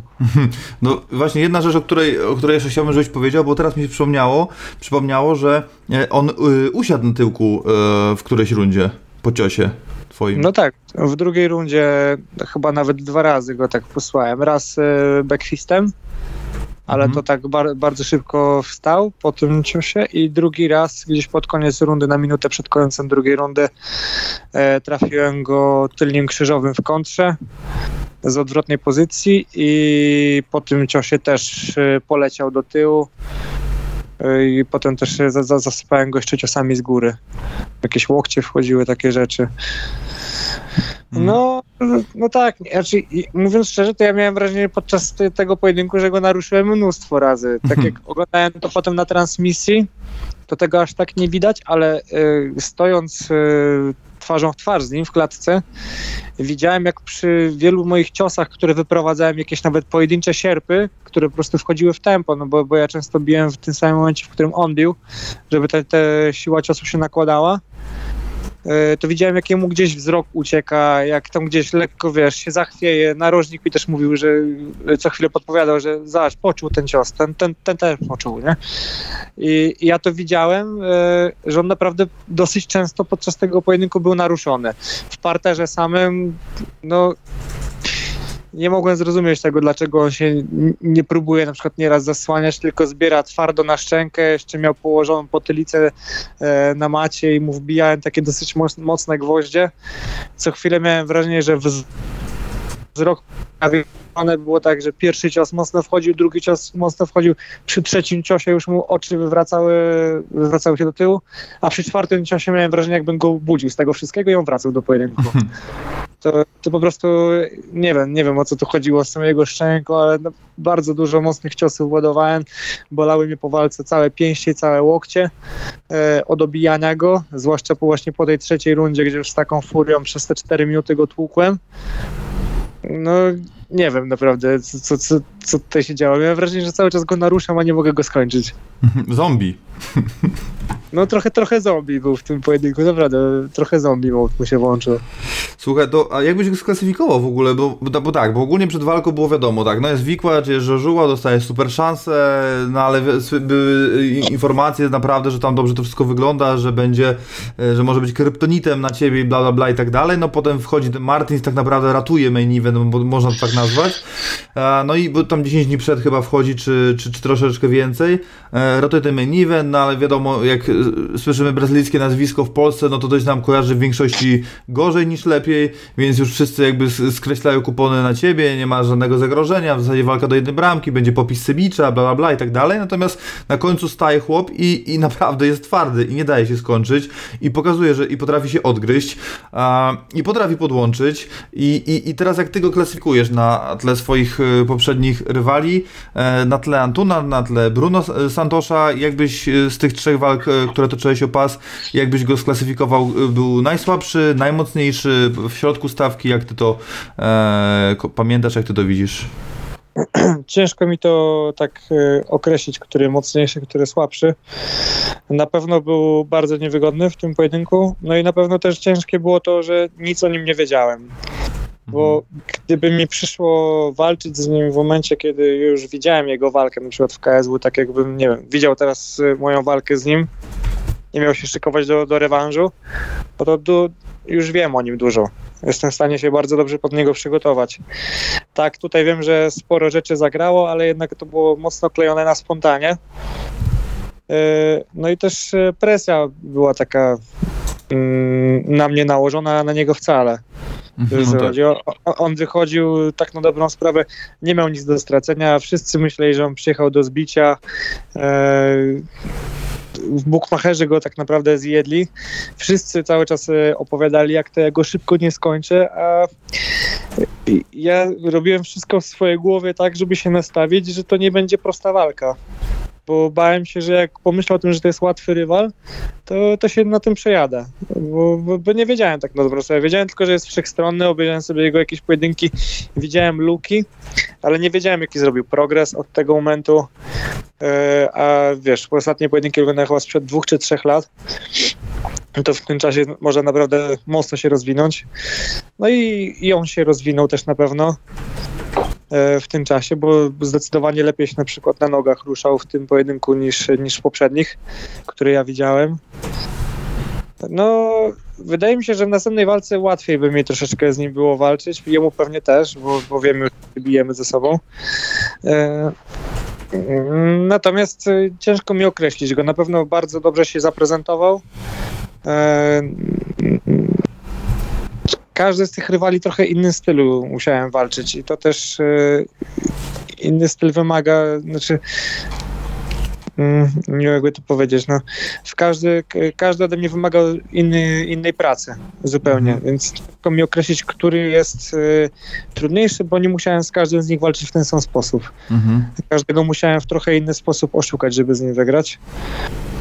E, no, na ten moment chyba na razie i tak najcięższa e, taka pod względem, pod każdym względem była walka z Antunem Racisiem, no bo to, i to był e, rewanż, pięć rund, walka o, o coś dużego. E, pierwszy raz e, tak wysoko na karcie gdzieś, no tam du- dużo wtedy rzeczy się działo. No teraz już powiedzmy jestem dużo bardziej oswojony z tym wszystkim i, i no mam chyba lepszą głowę do tego jeszcze. Mhm. Nie, mimo tego, że, że wszyscy obstawiali, jak, jak to ja nie zgwałcę mojego rywala, to, to cały czas e, w głowie miałem bardzo dużo szacunku do niego i, i wiedziałem, że, że. Znaczy, widziałem po jego oczach, że on nie przyjechał tutaj przegrać i, i, no i zaprezentował się świetnie. Jak- Jedna kwestia jeszcze, jedna kwestia, jedno pytanie i też oddam e, jakby cie, ciebie na czat trochę, bo jest parę pytań do ciebie. To pierwsza rzecz to tak na szybko, e, z kim ty byś widział e, Martinsa w kolejnym e, pojedynku? No bo przypisujemy tobie jakoś klucze e, Kubę Wikłacza, tak przynajmniej nam mówi ranking, no i jakaś tam pewnie ustna obietnica ze strony KSW. Powiem ci, że nie wiem, z kim będę w tym momencie walczyć. Naprawdę nie wiem, czy to będzie Kuba, czy, czy, czy ktoś inny. Ale też słyszałem coś, jak- że w jakimś wywiadzie Wojek mówił o tym, że Kuba będzie musiał chyba jeszcze jakiś jeden pojedynek zrobić po drodze. Mhm. Więc e, jakby tym, się- tym się e, też kierował. Natomiast z kim bym widział Martinsa? Paweł Wydaje mi, się, wydaje mi się, że z Pawłem, no to było, było na pewno też fajne pod tym względem, że się bili na tej samej gali, więc mieliby podobny teraz czas do, do kolejnego pojedynku. Ale no nie powiem, że z, z takim Bruno też bym obejrzał walkę. Mhm. No taki nam, wyszedł, taki nam wyszedł wynik w trakcie wcześniejszej rozmowy przy walkach obu panów, że brazylijsko-brazylijskie starcie to jest chyba to, co się najlepiej w tym momencie sklei. Tak, to, to by była naprawdę fajna walka i dwóch e, mocnych chłopaków, ciężkich, silnych. No, to mogłoby być fajne. Tylko no, pytanie, czy, czy by się to w ogóle kalkulowało, żeby robić walkę dwóch Brazylijczyków gdzieś na gali w Polsce? E, No tak, w São Paulo pewnie by się sprzedało lepiej, ale raczej KSW nie ma takich e, pomysłów. Ra, raczej, raczej nie będą planowali tam na razie ekspansji. Mm. To dobrze, w takim razie na sam koniec jeszcze ode mnie i, i oddam e, i zadam kilka pytań z czatu, to jest e, do tego charakteru wracam. E, Albert Zimkowski o tym powiedział, już nie pamiętam gdzie dokładnie i jeszcze jedna, jeszcze jedna taką wypowiedź e, słyszałem e, albo przeczytałem, strasznie tego było dużo, więc już nie jestem w stanie z, e, tych źródeł finalnie podać, ale to, to, to byli ludzie ze środowiska bądź zawodnicy, e, zaczynają cię e, porównywać do Michała Materli po tym pojedynku. Jak się z tym czujesz?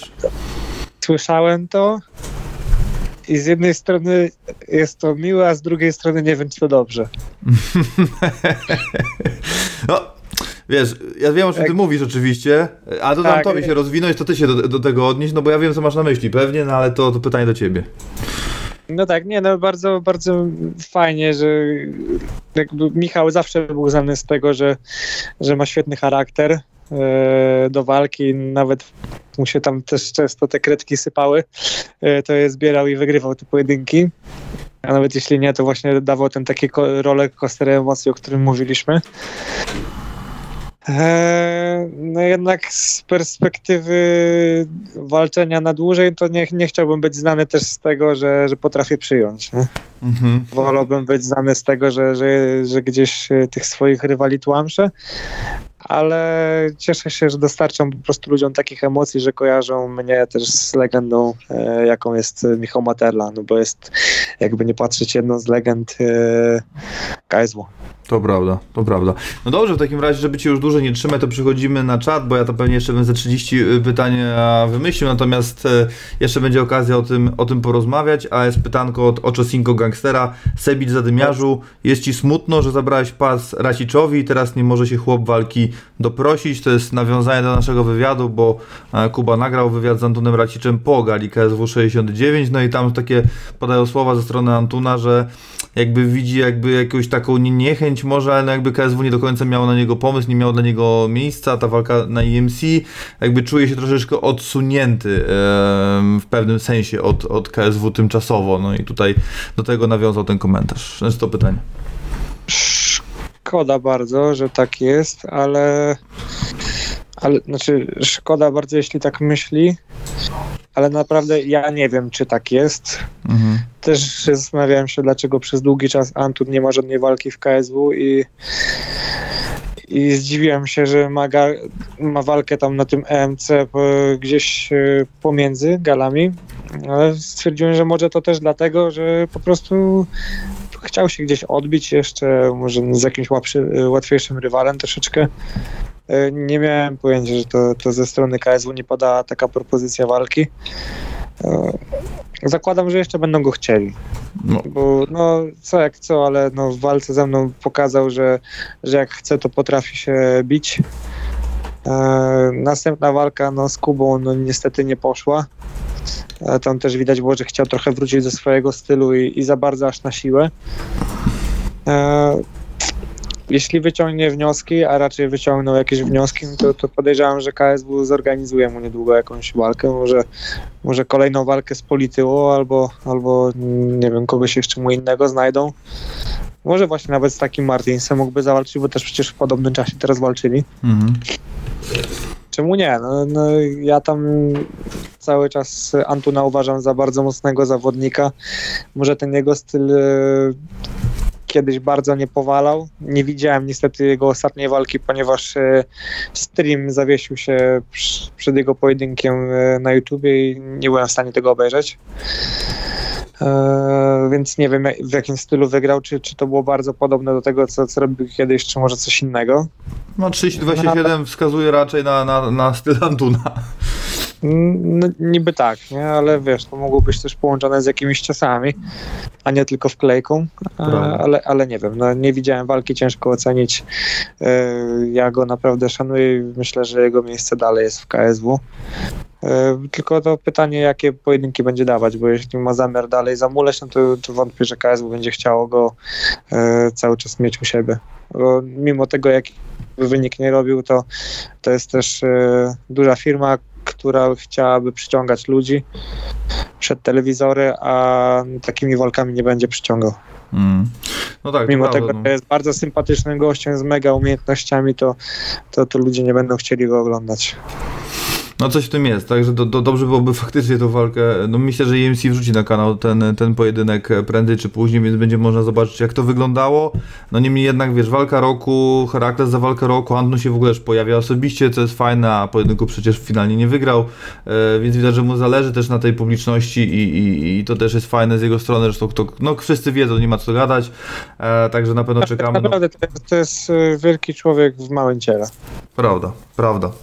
Kolejne pytanko, e, pytanko do mistrza, jakby padła propozycja od KSW, walka z Saladinem, czy bierzesz to? Yy, raczej nie. Raczej nie. To by było kwestia dogadania wszystkiego, ale no, na ten moment to Saladin raczej idzie do, do kategorii 70 niż, yy, niż do 6.1. Ja raczej też nie, nie, nie myślę o tym, żeby się wybierać do 6.6. Yy, ale no nie wiem, może, może gdzieś tam w przyszłości na ten moment na pewno skupiam się na swojej kategorii wagowej. To, e, jak widzicie, to, to ja mimo tego, że trochę tych kilogramów tnę, to ostatecznie moi rywale na walce i tak są zazwyczaj więksi ode mnie, to, to w kategorii 6-6 to byłoby jakaś naprawdę dosyć spora dysproporcja. E, Sebi, czy jesteś smutny, że Formela w Question and Answers powiedział, że, jesteś, że jest przystojniejszy niż ty? Naprawdę coś takiego powiedział? Nie, to było dokładnie, no bo wiadomo, że tutaj jest y, lekka podkrętka w pytaniu. Było pytanie y, na Q&A z Kasprem, które nagrywaliśmy no, o poważeniu poradnym. E, Czy kto, kto jest przystojniejszy, on czy ty? No i jakby tam była, jeszcze było pytanie o twoje życie towarzyskie, żeby, żeby porównał e, swoje do twojego. E, no ale poza tym było to pytanie i Kasper oczywiście z uśmiechem na ustach powiedział, że on oczywiście jest przystojniejszy. Ja mu nie bronię tego, nie, nie próbuję. Ja uważam, że i on i ja jesteśmy bardzo brzydkimi gościami, więc jeśli on czuje się o te, wiesz, o te tam połowę z dziesięciu mocniej ode mnie, to, to proszę bardzo, niech ma. No. Ja, ja nie potrzebuję pierwszego miejsca w tym konkursie. w tym akurat nie. E, Kogo wolałbyś w kolejnej obronie? Wikłacz czy Żożuła? Kto bardziej ci leży stylowo? E, Jeden i drugi są bardzo ciekawymi rywalami i do jednego i drugiego e, trzeba w ciekawy sposób się przygo- przygotować. Więc nie ma co tutaj gadać, który by mi bardziej leżał stylowo, bo, bo chyba nie mogę tak powiedzieć, że któryś by mi leżał. Jeden i drugi są ciężkimi rywalami.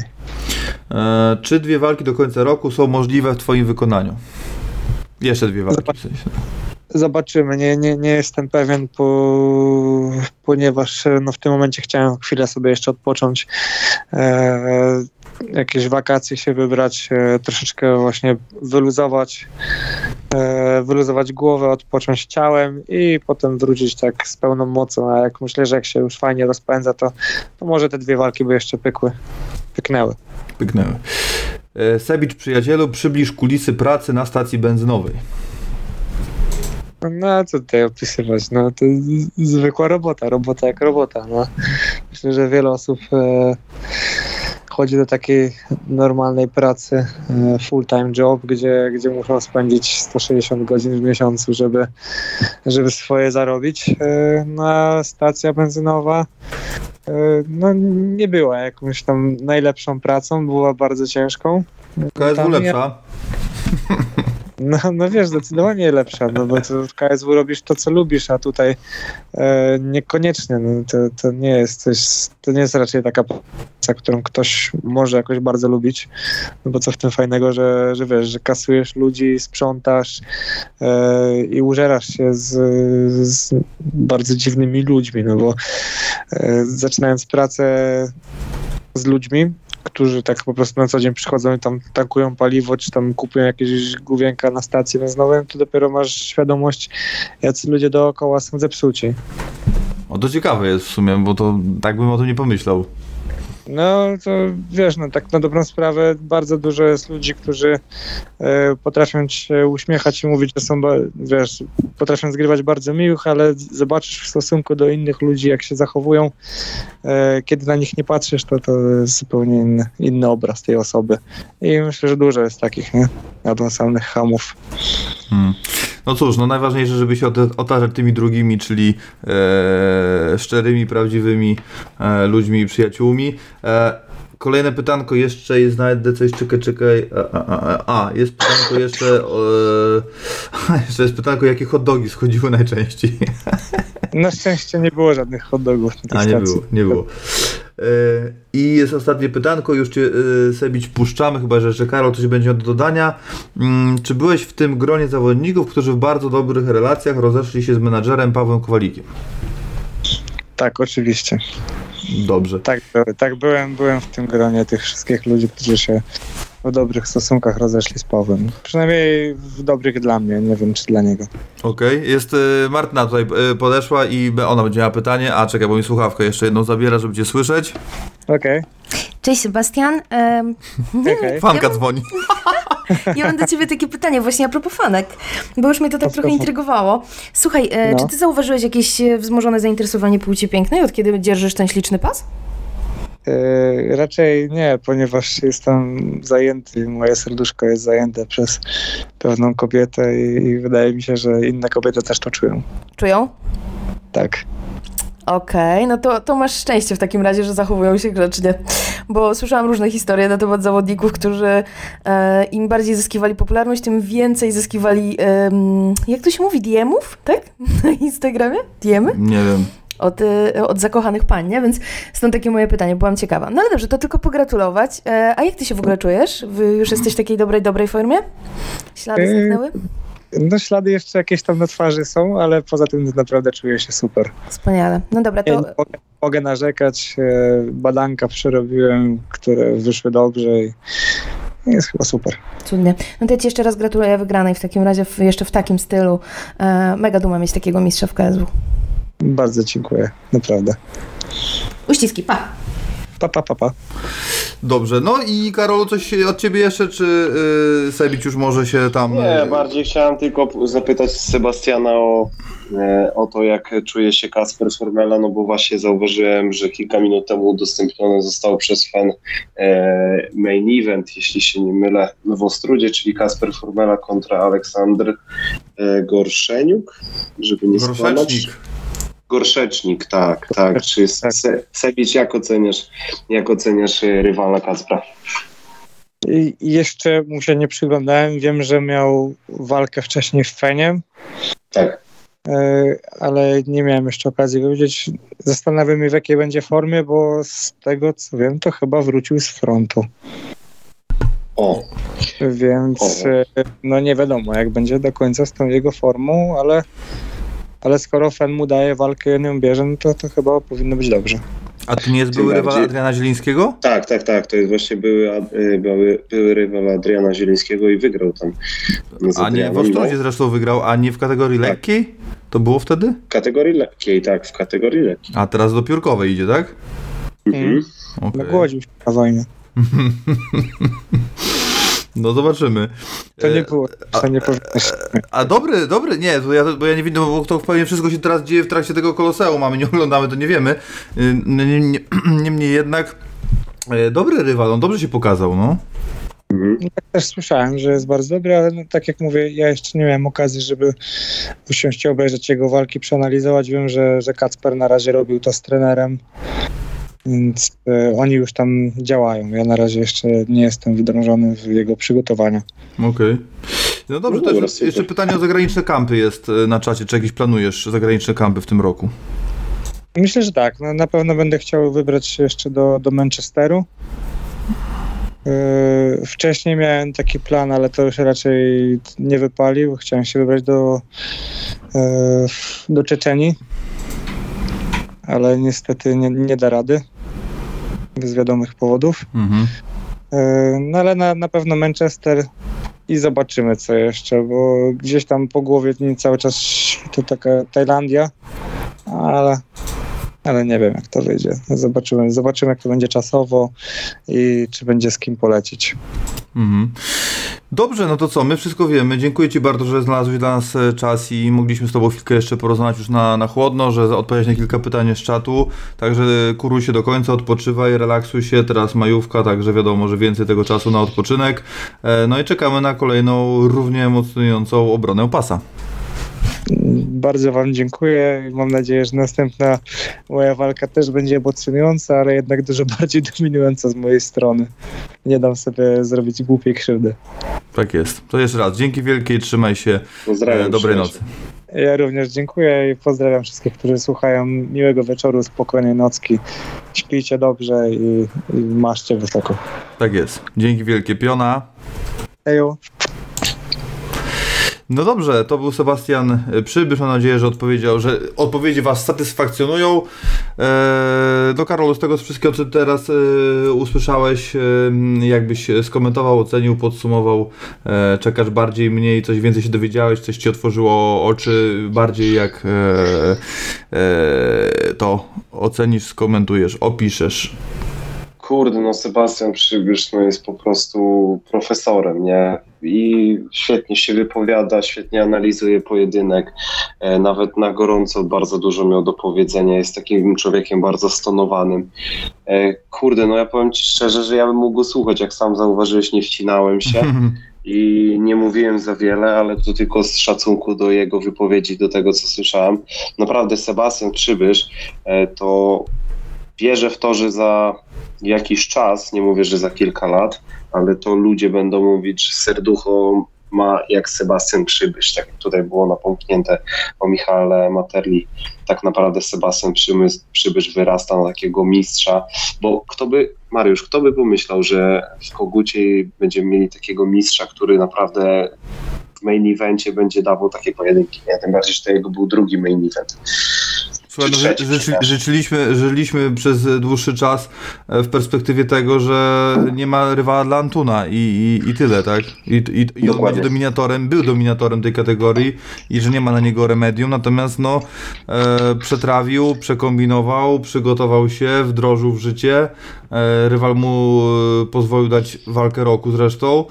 E, no i efekt mamy taki jaki, taki, jaki mamy, natomiast no wiesz, e, ta trylogia jeszcze wisi w powietrzu pewnie, nie? Także zobaczymy. No, natomiast no, to nie ten moment na pewno, bo e, w tym czasie zrobił parę kroków do przodu, Anton na, Anton na razie wraca na te tory, nie, więc do tego pojedynku jeszcze daleko. Zobaczymy, jak to będzie wszystko e, wyglądało. A my przechodzimy do ostatniej walki, no, która była co-main eventem no, z racji e, wizyty gościa. Mam nadzieję, że Wam się podobał udział Sebicia.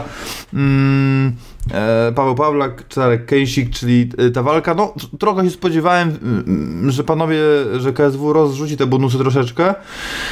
No ale no nie, no nie, no nie, no jest y, prawidłowo, prawilnie, zgodnie z literą prawa, nazwijmy to w ten sposób, bo zbyt dużo składowych było w tym pojedynku mistrzowskim, aby tego bonusu tam nie przyznać dwóch tak naprawdę, e, więc y, no, pewnie można byłoby dać walkę wieczoru Pawłowi i, i, i Czarkowi, albo zostawić ją Sebiciowi, a poddanie oddać Arturowi z racji też tego, że, że, że po knockdownie e, poddał rywala w tej samej rundzie zresztą, ale myślę, że nie ma zupełnie, biorąc pod uwagę dramaturgię tego pojedynku, myślę, że nikt nie ma za złe, że te bonusy właśnie tak, a nie inaczej zostały przyznane.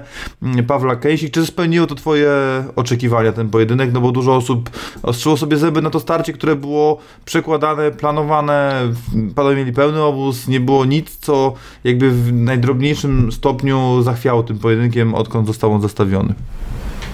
E, Kurczę, no powiem tak szczerze, że e, wbrew temu, co się mówi, to starcie Paweł Pawlek z Cezarym Kęsikiem jakoś tak mnie nie porwało. Nie wiem, e, czy po prostu byłem już tak, jakby to powiedzieć, że obejrzałem tak dużo tych pojedynków e, na tej gali, bo z reguły sam doskonale wiesz ty i Martyna, że pracujemy i ciężko jest nawet chwili e, zobaczyć e, z walk, ale tutaj obejrzałem praktycznie wszystkie walki oprócz Artura Szczepaniaka. No i powiem szczerze, że ta walka była ok, fajna. Też punktowałbym dla Pawła Pawlaka, ale czy, czy, czy mnie porwała? No, no chyba nie. Chyba bardziej ciekawa była ta walka z Damianem Janikowskim, bo gdzieś podobało mi się to, że Damian ma czasami takie swoje gdzieś tam zrywy, w których leci na setę i, i wiesz, wchodzi w wymiany, nie, nie baczy na nie baczy na jakieś tam konsekwencje. Tak z E, Jakubcem? Y, No, powiedzmy, dokładnie, no ale ta walka z Jakubcem pokazała, że Damian, no kurde, ma, ma, coś, no, ma coś takiego, że, że fajnie się go ogląda. Jest, jest zawodnikiem, który, którego ja lubię oglądać, bynajmniej, bo wiem, że będzie coś się działo. A co do tego starcia Paweł Pawlek, Cezary Kęsik, kurczę, no uważam, że jednak Czarek nie pokazał za wiele.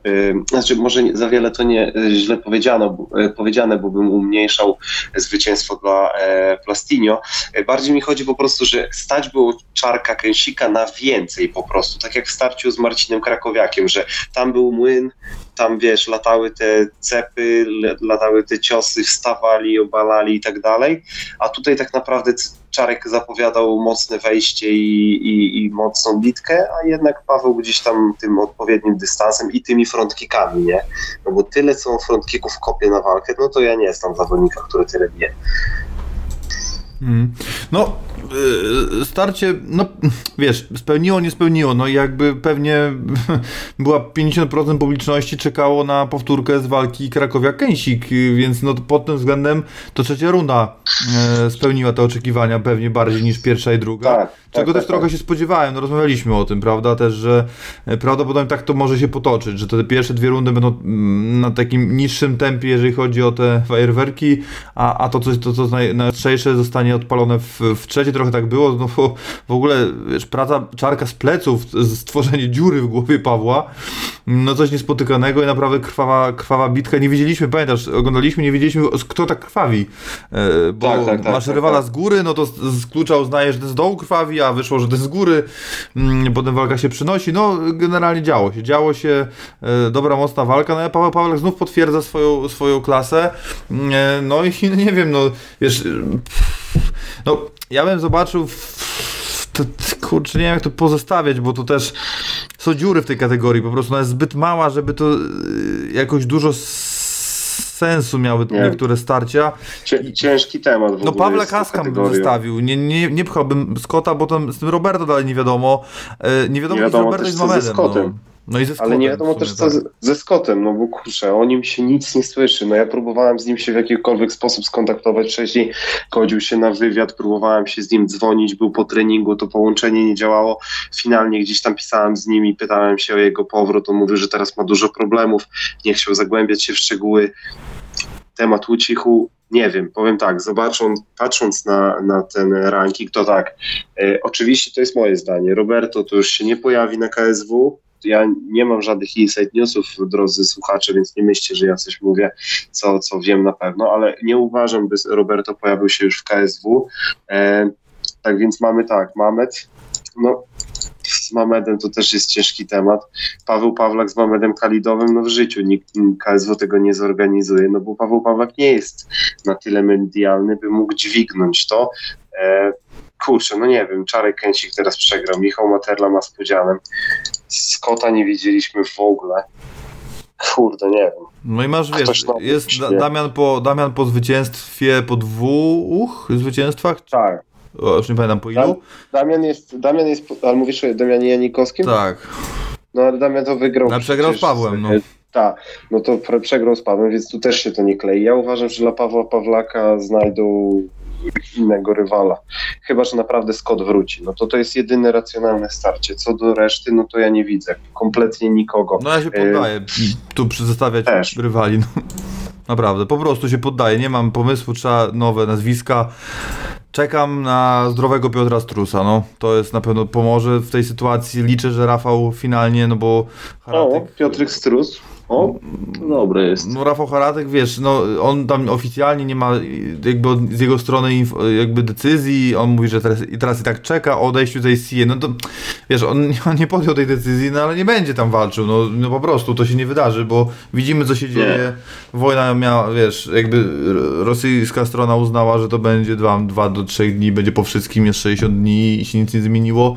I Nie, to się nie, pewnie a jeszcze długo nic nie zmieni, no.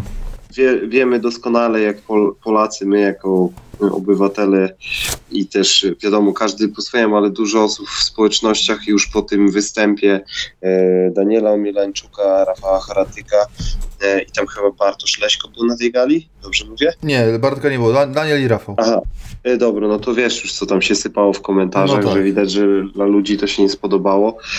Powiem tak, Pi- Piotrek Strus to jeśli udałoby się go zaangażować, ale widziałem, że miał problemy z kolanem po raz kolejny, tak więc domyślam się, że w tej połowie roku nie wróci. E, nie wiem, powiem ci, no naprawdę, 8-4 to tam jest troszkę dziurawe, no. Mamy pierwszy Mamet, drugi Scott, czwarty Michał, piąty Cezary. Piątka odpada, czwórka odpada, Scott odpada, Mamet odpada. No, praktycznie Paweł Pawlak jest pretendentem, więc No tak. No, nowego zawodnika potrzebujemy, o tak powiem. I to nie jednego pewnie, no i to nie O, jednego. to nie jednego. Może w ACA kojarzysz jakichś zawodników z 8-4, którzy e, walczyli z zachodu, powiedzmy? O to wiesz, ja, Ale- ja tych co kojarzę, to jednego, jeden jest mistrzem 9-3 a w KSW, a e, reszta no, to są rywale Polaków. Ja się nigdy w ICA aż tak bardzo nie zagłębiałem. Poza galami w Polsce i walkami Polaków nie śledziłem e, tak często tej organizacji, więc nic nie wiem. Nie wiem. No ja właśnie nic nawet też powiem, ja tam lubiłem bardzo. A czekaj, a Nikola Dipczykow? Y, Tak, no, Niko, ale nie wiem, czy Di- Nikola Dipczyków nie miał walczyć gdzieś teraz. No właśnie. No bo on jest e, chyba nominalnie Bułgarem, o ile się nie mylę. Tak, tak, tak, on jest Bułgarem, tak, tak, tak, ale wiesz co, on chyba miał gdzieś, y, miał być zakontraktowany, ogłaszał to, nie jestem pewien gdzie, ale gdzieś mi się przywijało, że Piotrek Strus właśnie udostępniał e, to, że będzie wracał. No ale zobacz, Goran Relic jest Chorwatem i Goran Relic ma bodajże walczyć 20 któregoś maja o Jezus, na gali ACA 139, tak więc e, Aha. może i, może i tam się pojawi ponownie Nikola Dipczyków. Ja bym chciał Piotrka Strusa. O, na Pawła Pawlaka Piotrek Strus to byłby fajny, fajny ten, fajny. To prawda. No, czekamy, czekamy, bo tutaj też to nie jest to. Można stworzyć oddzielny odcinek yy, i pewnie też dobrze byłoby wtedy Fabiana do tego zaprosić, aby zacząć wyszukiwać te nazwiska. No dzisiaj jest taka sytuacja, że w zasadzie yy, organizacji wzbogaca Radek Paczuski, tu już płynnie wychodzimy z Galika SW69. E, Jason Willis, natomiast no to jest zawodnik, po pierwsze mamy strikera, po drugie mamy strikera, e, no żaden z nich po zwycięstwie nie będzie się bił ani z Pawłem Pawlakiem, ani z Szarkiem Kęsikiem, więc no e, tutaj raczej spodziewamy się starcia Paczuski po wygranej potencjalnej z Damianem Janikowskim, no bo takie starcie miało być. Wygrana Radka umocni, go, umocni jego pozycję i, i takie starcie będzie miało jeszcze więcej sensu, także, także tak, no to, to, no i o tym starciu dwa słowa, ja w zasadzie chyba nie będę się tutaj wymądrzał, bo ja Glory nie oglądałem nigdy e, i no chyba naprawdę nigdy na żywo nie widziałem ani jednego pojedynku na Glory. Może coś kiedyś Arka Wrzoska, ale nawet tych, tej walki, no, ostatnio byliśmy w Radomiu na KSW, więc nie widzieliśmy, wcześniej było też KSW, a to, to chyba, no możliwe, że stream odpaliłem faktycznie w trakcie tej walki pierwszej. E, no to tylko tyle pamiętam, ale jakby no to, to tyle z Glory, no to nie, nie, nie mam pojęcia, jakby moje Glory to się zatrzymuje na tym, z kim Marek walczył, koniec. E, Jason Wilnis był mistrz Glory, 2-0 MMA, mm, świetne zestawienie, jakby stylistycznie i podobno też bardzo dobry zawodnik, jakby pod, pod kątem Radka Paczuckiego. E, no ale Arek Wrzosek Bardzo dobry, no. tak, dał wypowiedź e, w oktagonie, no i powiedział tam, że styl stójkowy, bo nie spodziewa się sprowadzeń w tym pojedynku i to jest całkiem oczywiste, a jeśli to i tak ze strony Radka, e, który sobie coraz lepiej poczyna w, w zapasach i w parterze, no, bardziej w zapasach pewnie też e, i Grand Pound, natomiast stójka, bo on kojarzy Arego oczywiście, stójka jego jest idealnie skrojona pod styl Radka i Radek nawet nie musi szukać podobno według oczywiście Arka mm, sprowadzeń i rozwiąże ten pojedynek w stójce, także, także tyle. No to tyle, to ja się powołuję na Arka, on tu trzeba pytać ludzi od kickboxingu, a nie nas. No. Powiem szczerze, że y, oglądałem pojedynek y, Jasona Wilmisa z Izraelem Adesanią i fajnie, fajnie się rusza. W ogóle to jest pojedynek sprzed ponad pięciu lat, więc y, nie będziemy tutaj w ogóle porównywać y, na jakim etapie kariery jest teraz y, Izraela Desania a Jason Willis. Powiem tak, ja sam rozmawiałem prywatnie z Radkiem ostatnio w Uniku, jak byłem tam w klubie na treningu i Radek mi powiedział, że nie obawia się niczego. Powiedział, że jak będzie trzeba to samo bali, bo jest na tyle przygotowany, że te starcia w ACA e, poprzednio i te starcia, e, które potencjalnie są przed nim, no to on jest na to gotowy, on to robi cały czas, to nie ma tak, że on tylko stójkę e, klepie, jakieś tam defensywne zapasy. Ostatnio był też na seminarium e, z trenerem e, Szyszki, Przemka Szyszki i też widziałem, że tam się kulał i, i wstawał i obalał, więc powiem szczerze, jeszcze jak Radek Paczuski zacznie gdzieś tam pchać go i, i próbować obala, obalać. No ale zobaczymy. Radek Paczuski zdecydowanie jest tym faworytem. Uważam, że pokazuje naprawdę na treningach, że nie boi się żadnej spłaszczyzn. On sam nawet widziałem, że proponował, ażeby zaczynać pojedynki, troszkę to śmiesznie brzmi, ale zaczynać pojedynki od, od miejsca parterowego, żeby mógł y, swobodnie zacząć wstawać i dopiero prowadzić walkę. Tak więc Radek widać, że idzie z grubej rury. Mm, słuchaj, bo tutaj nam spadła bomba na czat y, Martyna. Widziałem opublikowała tego newsa. Ja wiem, że ty jesteś pewnie bardziej zaskoczony, no bo ja nie mogłem nic mówić, nie było moje źródło, więc się nie wypowiadałem. Wiem, że to pewnie zaskoczenie będzie też dla wszystkich od nas z redakcji. Zasada jest prosta, naszych źródeł nie zdradzamy sobie nawzajem. Eee, wiadomo, takie CIA, mamy tutaj w ITC CIA. Eee, no to ciebie pytam, bo ja już to w głowie przetrawiłem, jak oceniasz e, transfer Daniela Mielańczuka do KSW, oczywiście potencjalny, no bo nie mamy potwierdzenia, są to nasze doniesienia gdzieś tam. Eee, i potencjalne starcie z Ricardo Praselem?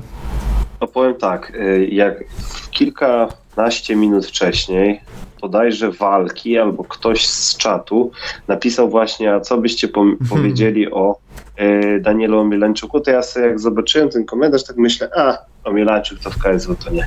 I przewijam dalej. E, no co, powiem szczerze, że jestem mega zaskoczony. Jeżeli faktycznie dojdzie do zakontraktowania Daniela, do zakontraktowania Daniela w organizacji KSW, e, to myślę, że mm, pojedynek z Ricardo Braszelem, no to e, będzie łatwą przyprawą dla Daniela. E, w związku z tym, że ja, jak sam pewnie pamiętasz po naszym poprzednim e, spotkaniu na MMA Tonight, nie byłem zwolennikiem tego, nie byłem zwolennikiem tego zawodnika, nie, nie, nie faworyzowałem go z Michałem Kitą, uważałem, że Michał Kita go ubije i uważam dalej, że to był błąd Michała Kity, że się wystrzelał, bo no niestety Ricardo poza tym sprowadzaniem i tym parterem, no to w stójce zbierał ciężkie, ciężkie bomby, a i jak z dołu był i to zbierał te łokcie jest takie srogie, że, że no przykro mi, ale ale nie jestem w żaden sposób fawory, y, y, fanem tego zawodnika, a Daniel no, jest dużo niższy od Ricardo Praszela. No ile ma Daniel? 1,88 m? Nie pamiętam nawet. Kto, kto wydaje raz? mi się, że Daniel Omielańczuk ile ma? 1,88 m, 1,92 m? Oj, nie, nie, nie, nie, nie, nie, no gdzie?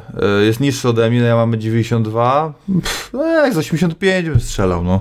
No to on ma 1,85 m, a Praszel ma 2,02 chyba, tak? Może tak być, no. No to będzie wesoło. To jak Praszel go sprowadzi, to ja nie wiem, chyba będzie musiał się czołgać. No, ale ogólnie e, uważam, że Daniel jest faworytem. Co prawda dwie porażki ostatnie, ale no kurde, no mocnych rywali dostawał w tym ACA, więc jestem zdania, że jak Daniel wejdzie, no to do tej walki o pas powinien się do, do, doczłapać. Tak, po- kolokwialnie oczywiście. Tak, no co do walki o pas, no to się pewnie, pewnie przed walką z Johnsonem bym powiedział co innego, dzisiaj pewnie bym powiedział co innego, dajmy mu zadebiutować, to jest raz, dwa, że po prostu jest pytanie jak długo e, Daniel nas będzie cieszył, e, jego zdrowie, na, jak na długo mu pozwoli, więc z tym pasem to ten, no walkę z Praselem do jednej bramki w mojej opinii i to nie dlatego, że Prasel e, jakby nie, de, nie deprecjonuje jego, tylko po prostu on już pokazał, już jest rozczytany, w sensie on już wiadomo, czego nie można z nim robić. Michał Kita chciał to zrobić, to czego nie można z nim robić i dzięki temu już wszyscy wiemy, co trzeba zrobić. Tak to powiem, no bo najprościej, no E, wiadomo, że nic na siłę, wiadomo, że e, jest twardy, wiadomo e, do jakich płaszczyzny dąży, wiadomo, że nie za wiele potrafi tam zrobić, trzeba po prostu spokojnie, metodycznie i na chłodno go rozpykać, nawet jak trzeba będzie pójść na decyzję, pójść na decyzję, z Predatorem radę, da radę i z Praselem, to jest Z walka na Praszelem wejście. na, no. pod, na decyzję. O Boże, tylko proszę, nie to. Bo jak No. będę widział bicie z góry Praszela przez trzy rundy, to wydłubię sobie oczy. Słuchaj, no wiesz, y, Michał Kita- się wystrzelał i zapłacił za najwyższą cenę, dlatego y, myślę, że jednak y, Daniel Milańczuk pójdzie po, po rozum do głowy i e, wyciągnie z tego E, wnioski. Pozwoli, ja myślę, że będzie pozwalał mu stać. Jeżeli nawet dojdzie do takiej sytuacji, że gdzieś tam to jednak Daniel będzie pozwalał mu stać i będzie chciał e, walczyć z nim w stójce. No ale mówię, no naprawdę wiem, że każdy, ma mieć prawo, każdy może mieć prawo do swojego zdania, ale uważam naprawdę, że e, przegrał po prostu przez własną, mm, własne błędy e, Michała Kity. Tak naprawdę udowodniły, że Ricardo Praszel to gdzieś tam się znalazł na tym triumfie, no bo trzecie miejsce w kategorii ciężkiej. No, ciężko mi się to ogląda, naprawdę. Prawda. Nie jest zawodnik y, na tym poziomie.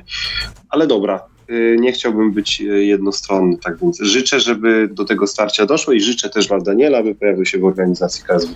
Tak jest, no bo to świetna informacja, wszyscy na to długo liczyli, musiało, że tak brzydko to ujmę, no ale trochę tak jest, e, taka seria, taka, no tak jest, to nawet nie jest moja opinia, tylko to jest fakt, musiało e, dojść do zbanowania ACA, e, czy do wojny aż musiało dojść, żeby Daniel trafił do KSW, także no e, grubo, no grubo się dzieje, no oczywiście no nie, szkoda, że takie okoliczności spowodowały to, a, a nie inne, e, no ale mamy co mamy, no nie będziemy płakali, że Daniel jest w KSW, trzeba się cieszyć, e, myślę, że jemu też to będzie na rękę, zawsze nie lubił tych wyjazdów, e, rozbratu z rodziną, pierwsze co robił, to na krótszą drogą do domu, po każdej gali, ja się jaram, naprawdę cieszę się bardzo, że Daniel będzie w KSW, skorzysta na tym i KSW, i Daniel, i mam nadzieję fani, także super informacja, oby się tylko potwierdziły te nasze doniesienia.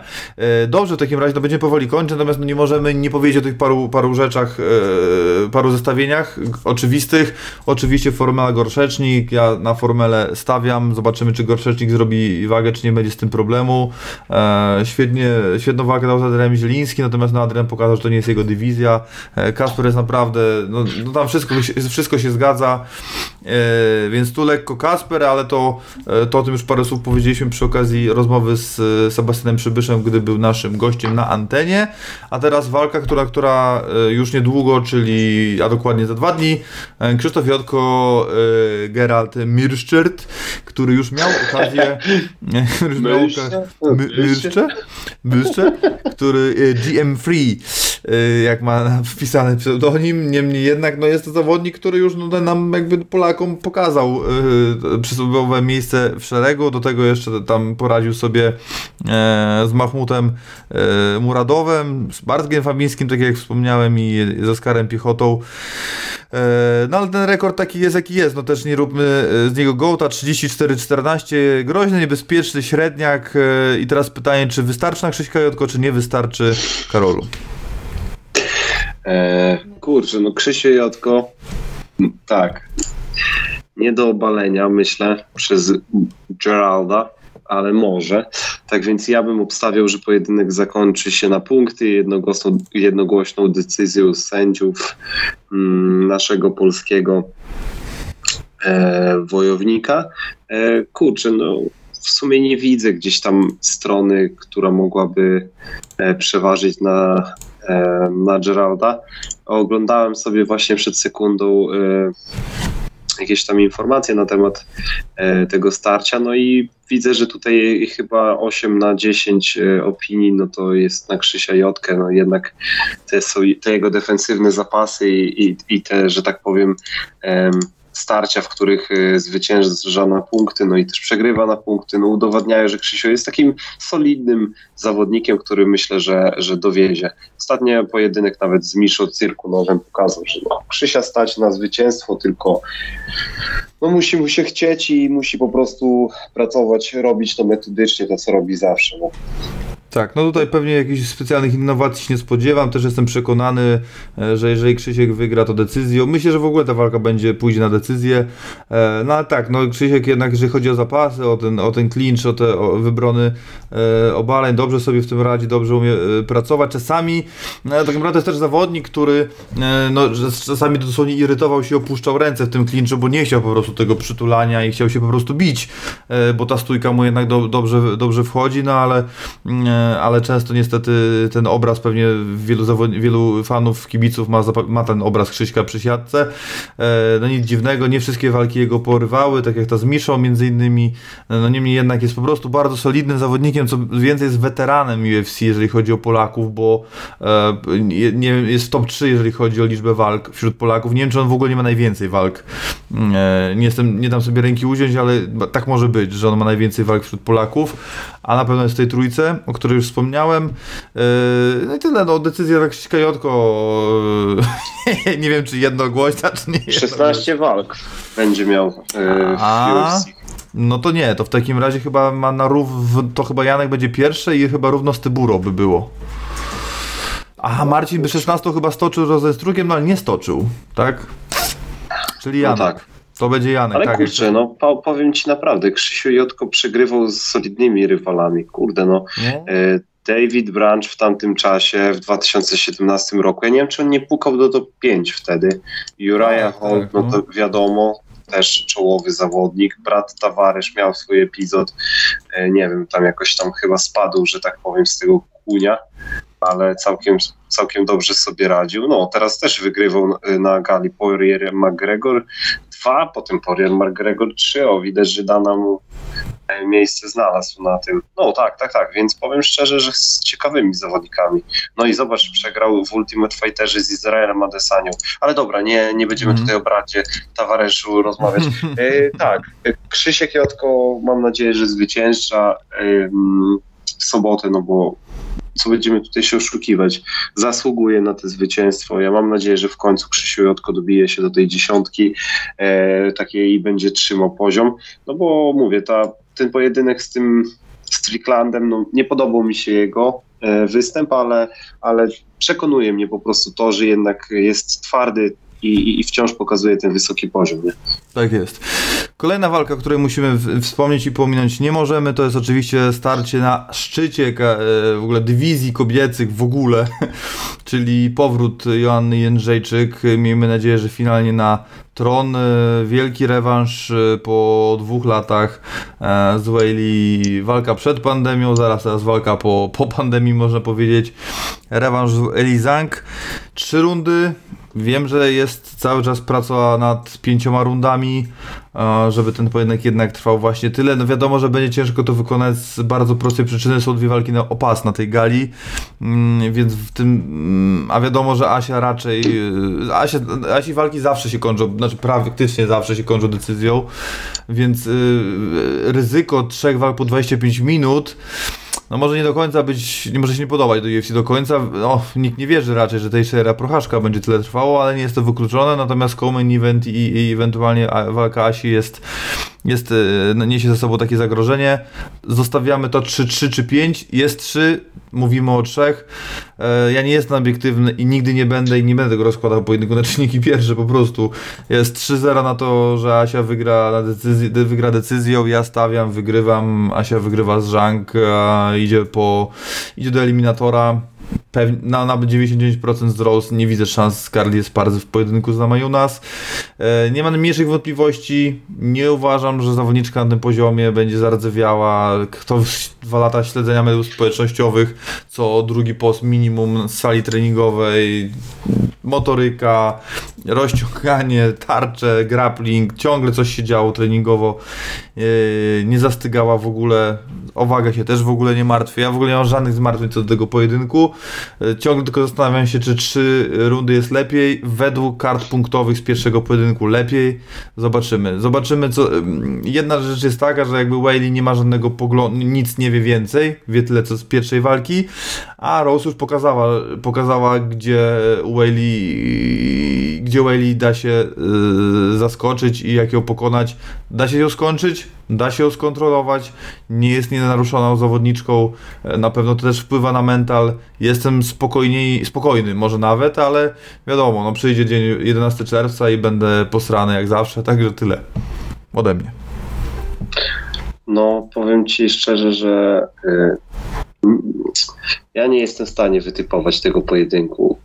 Wiesz, ja rozumiem doskonale zdanie y, twoje i to, że Asia y, od tych tam dwóch lat y, to, że nie walczyła, to jednak jest w ciągłym treningu, no ale wciąż martwi mnie fakt, że Asia nie ma tego ciągu, przynajmniej pojedynku, dwóch pojedynków powiedzmy w roku, który mógłby gdzieś tam pokazać nam, że no Asia trzyma ten wysoki poziom, tak, no wcześniej e, pół roku wcześniej przed Whaley, kiedy przegrała splitem, walczyła z Michelle Watterson, kurczę, no wiemy na jakim etapie była Michelle Watterson, porażka z Valentiną, wygrana z Tessio Torres, później znowu porażka z Rose. Ja jestem zdania, że ten pojedynek pokaże, na jakim etapie jest y, Asia i czy Asia się po prostu liczy. Ja chciałbym naprawdę i głęboko wierzę w to, że Asia wygra ten pojedynek, bo uważam, że Rose pokazała, jak można z Whaley wygrać, jak można z nią walczyć. Kwestia tylko, czy to się przełoży e, w klatce. No bo ja mówię, ja nie jestem zwolennikiem tak długich rozbratów z oktagonem, bo trening, rozciąganie, e, tarcze to nie walka w klatce, to nie spotkanie się z przeciwniczką i wymiana no, tak zwanych setek e, na środku klatki. No i co? Nie wiem, ja ogólnie nie przepadam za Weili Zhang. Nie wiem dlaczego po prostu nie, jako zawodniczka nie, nie wiem. Poza tym, że jest mega dynamiczna, mega e, silna, fajnie robi te tarcze, fajnie boksuje, to jednak jako zawodniczka czegoś, czegoś jej brakuje, więc ja trzymam kciuki za Asię, stawiam 55-45 dla Asi. I tyle ode mnie. Kolejna rzecz, powrót Różala e, do KSW potencjalnie 8 na 10, tak to ocenił Marcin wczoraj w rozmowie z, na Insta Life'ie. Eee, czy ty jesteś w tej grupie, która już się pogodziła z brakiem Różala w MMA, czy wręcz przeciwnie, taka informacja cię gdzieś tam rozgrzewa i się cieszysz na jego powrót? Nie, w ogóle. Ni ziębi, ni grzeje, szczerze. za, za dużo, za długo, e, min, za dużo czasu minęło od jego ostatniego pojedynku, e, za dużo, e, że tak powiem, nie widziałem go i po prostu Marcina bardzo lubię, e, lubię go słuchać, ma s- różne poglądy na, na różne tematy, ale osobiście, szczerze mówiąc, y, myślę, że to, czy będzie na karcie, czy nie, to mnie nie rozgrzeje. Są na pewno fani, którzy czekają na Marcina, którzy lubią Marcina, który, którzy lubią jego odważny yy, przekaz myślowy, to co mówi, ale ja osobiście, kurczę, no jakoś nie wiem. Chyba w to miejsce wolałbym zobaczyć, nie wiem, yy, kogoś powiedzmy z Bellatora w jakimś y, super fajcie z nie wiem, mistrzem organizacji KSW. Po prostu uważam, że y, sportowo można by było lepiej zagospodarować te pieniądze niż medialnie. Ale to tylko moje prywatne zdanie. Jeśli zobaczymy Marcina y, w klatce KSW, to na pewno obejrzę. Mhm. Tak. No, wiadomo, że tutaj jakby kluczową sprawą przy, przy tym, czy mówisz, yy, czy mówisz, fan mówi, kibic, jakkolwiek, jara, nie jara, jest rywal, no to jest oczywiste, no przecież jest parę starć, które rozgrzeją mocno, jest parę starć, które rozgrzeją mniej, jest parę starć, które nie rozgrzeją wcale, no jeżeli, e, no to no tak, po prostu, no nie będę tego kontynuował, no to nie jest, nikt nie oczekuje drogi po, po, po pas Po powrót po pas w zasadzie, e, raczej spodziewamy się super ekstra fightów, dwóch, trzech max, prawdopodobnie tyle, no Tylko wiadomo. z kim? No, ja ci powiem tak, no, bo ja, znaczy, moim zdaniem najbardziej ro- rozgrzewającą walką e, byłby rewanż z Pudzianem, no nic innego, no nie chcę go oglądać z Kurde. Bombardierem, nie chcę go oglądać, e, no nie wiem, no oczywiście pewnie starcie z Tomkiem Sararą mogłoby być ciekawe, no, O, o, o. no z Tomkiem jeżeli- Sararą, o, no, w zasadzie chciałbym postawić właśnie, kropkę, no bo Artur Szpilka sobie z Różalem nie poradzi, ponieważ box, kickboxing to są dwie różne rzeczy, poza tym Marcin już pokazał, że poddawał Pawła Słowińskiego, więc ten parter ogarnia, nawet tam jakiś pas ma biały czy niebieski, więc no nie, no nie, ani Szpilka, Chyba, że... względnie Izu, najlepiej chyba, Tomek że- Sarara, no. Chyba, że byśmy mogli zobaczyć e, e, Boże, Łukasza Jarosza z, na zasadach powiedzmy małe rękawice, coś na, na zasadzie tego łanu, nie? E, no bo wiadomo, że jeśli w parter pójdą, to by był no dla powiedzmy typowego fana, no to może by to się podobało, ale Łukasz Jarosz w starciu z Marcinem Różalskim, ten rewanż wielu, wielu, wielu latach, też fajne. No ale kurczę, tak naprawdę ja nie widzę żadnego medialnego nazwiska, które mogłoby się skonfrontować z e, Marcinem Różalskim, no bo tak na dobrą sprawę co, no Mariusz Pudzianowski wiemy, że jest w dużym konflikcie z Marcinem, a znamy też e, i e, to, że dla panów pieniądze są ważne na pewno, ale myślę, że oni są na takim etapie, że już w kilku wywiadach się przewijał to i widać, że to gdzieś tam ich irytuje, nie chcą rozmawiać o tym, co się Mhm. wydarzyło wtedy, czy klepał, czy nie klepał. Tak więc ja osobiście nie wierzę w to, że e, Marcin zawalczyłby z Pudzianem i na odwrót. Nie?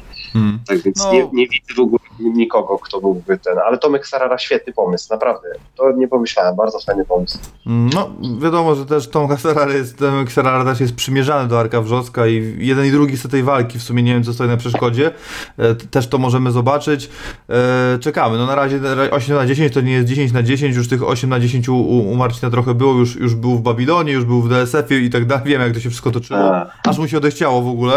E, No właśnie dlatego, dlatego to, co ja wspomniałem, Mar y, Mariusz, że mi się już trochę przejadł temat y, ten. Ja naprawdę mówię, jeżeli by ktoś to powiedzmy, nie rozmawiamy o Marcinie Różalskim y, rok, dwa lata i nagle ktoś y, mi tutaj bum, y, wali w telefon, dzwoni, mówi cześć, słuchaj, Marcin Różalski w KSW, powiedział, o fajny, super, tak? No ale był taki okres, w którym cały czas Marcin Różalski będzie tu, Marcin Różalski będzie tam i gdzieś tam mi ten pik Mhm. radości minął i jak będzie Marcin, to będzie, to super. Jak go nie będzie, no to życzę mu, żeby rozwijał się charytatywnie, pomagał i robił to, co kocha, bo jest w tym naprawdę świetny. I Tak jest. No więc co, no tutaj mamy to przegadane, to przegadane. Jeszcze spojrzę, bo nie, nie pamiętam, czy e, czegoś. A no jeszcze dwa słowa o Wotoro. Oczywiście to jeszcze pytanko. E, aha, na jakie walki na KSW 71 w Toruniu, czyli to będzie czerwiec. E, Marian w obronie pasa. Strzelam, że z Sebastianem Rajewskim. I.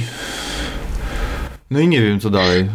No szpila myślę będzie. Aha, no tak, tak, tak. No to też Szpila, nie wiem. myślę, że Szpila będzie w co-main, tak, Szpila myślę, że będzie w co-main evencie, no na, na łamach ok- Koloseum, kiedy miałem okazję być tam gościem i zadać mu pytanie, no to e, Artur, nie wiem, powiem tak, że sam w sumie powiedział, że to nie jest tajemnica, że moim następnym rywalem będzie Sergiej Radczenko, e, który miał już e, dwa pojedynki chyba w MMA, jak się nie mylę, Tak, to nawet nie wiedziałem. wygrał, jeden przegrał. Tak, chyba, chyba jeden wygrał, jeden przegrał. No i e, Artur powiedział, że to by było takie najbardziej klarowne na niego zestawienie. No i widać też, że Artur zaczął tam pracować pod MMA, wstawia cały czas coś na social mediach.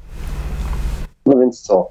E, Myślę, że e, tak, w main event bym strzelał właśnie, że Marian Ziółkowski z Sebastianem Rajewskim w koło main evencie Szpila. A co dalej? Ciężko powiedzieć.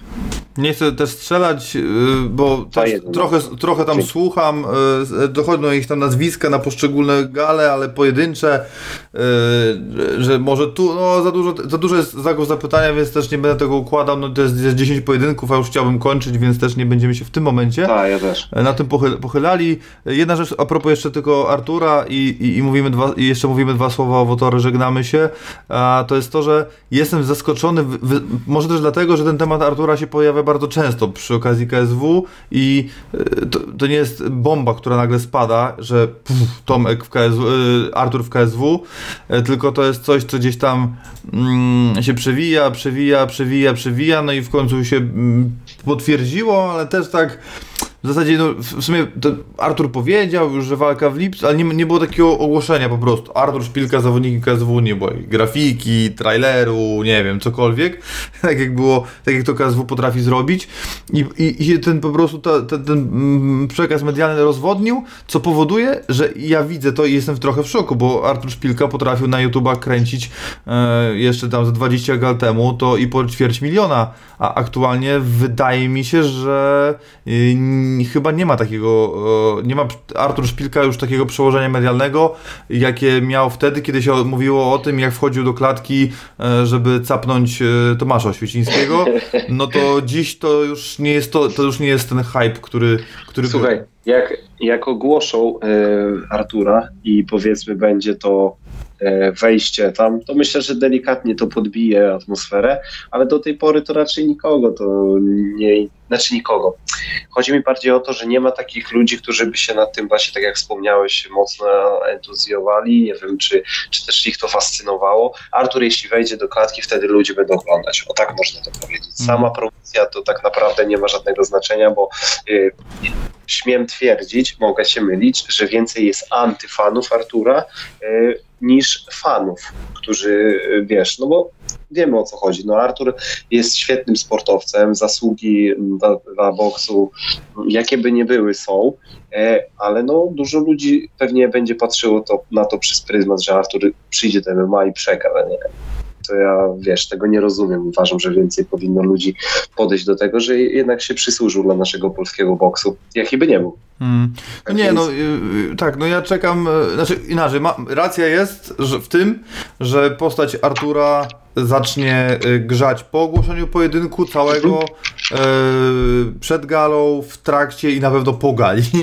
Y, Tak, tak, I, tak. I oto jestem spokojny we wszystkich wystąpieniach medialnych, już, już face to face'ach, ważeniach i tym, to wszystko, co KSU potrafi zrobić wokół pojedynku i wykorzysta to i zrobi, to wtedy, to wtedy będzie to wszystko się, to ta atmosfera się podgrzeje, bo aktualnie no to, to jej po prostu nie ma i i znaczy ja jej nie odczuwam po prostu, może nie ma, może gdzieś jest, tylko ja gdzieś, gdzie indziej szukam, ale nie, nie, ja jej po prostu nie widzę.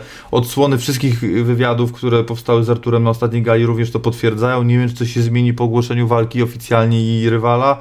Pewnie trochę to ruszy, ale no spodziewałem się naprawdę mocnego uderzenia medialnego i w związku z, tymi, mm, z tym, że tak naprawdę wszystko już jest gdzieś tam nieoficjalnie potwierdzone, trochę jestem zaskoczony. Zobaczymy, czy to się wszystko rozkręci, jak już faktycznie będziemy mieli wszystko oficjalnie, a walka będzie zestawiona, ogłoszona, termin, miejsce i tak dalej, i tak dalej. Wotore 5, Karolu, jutro wyruszasz.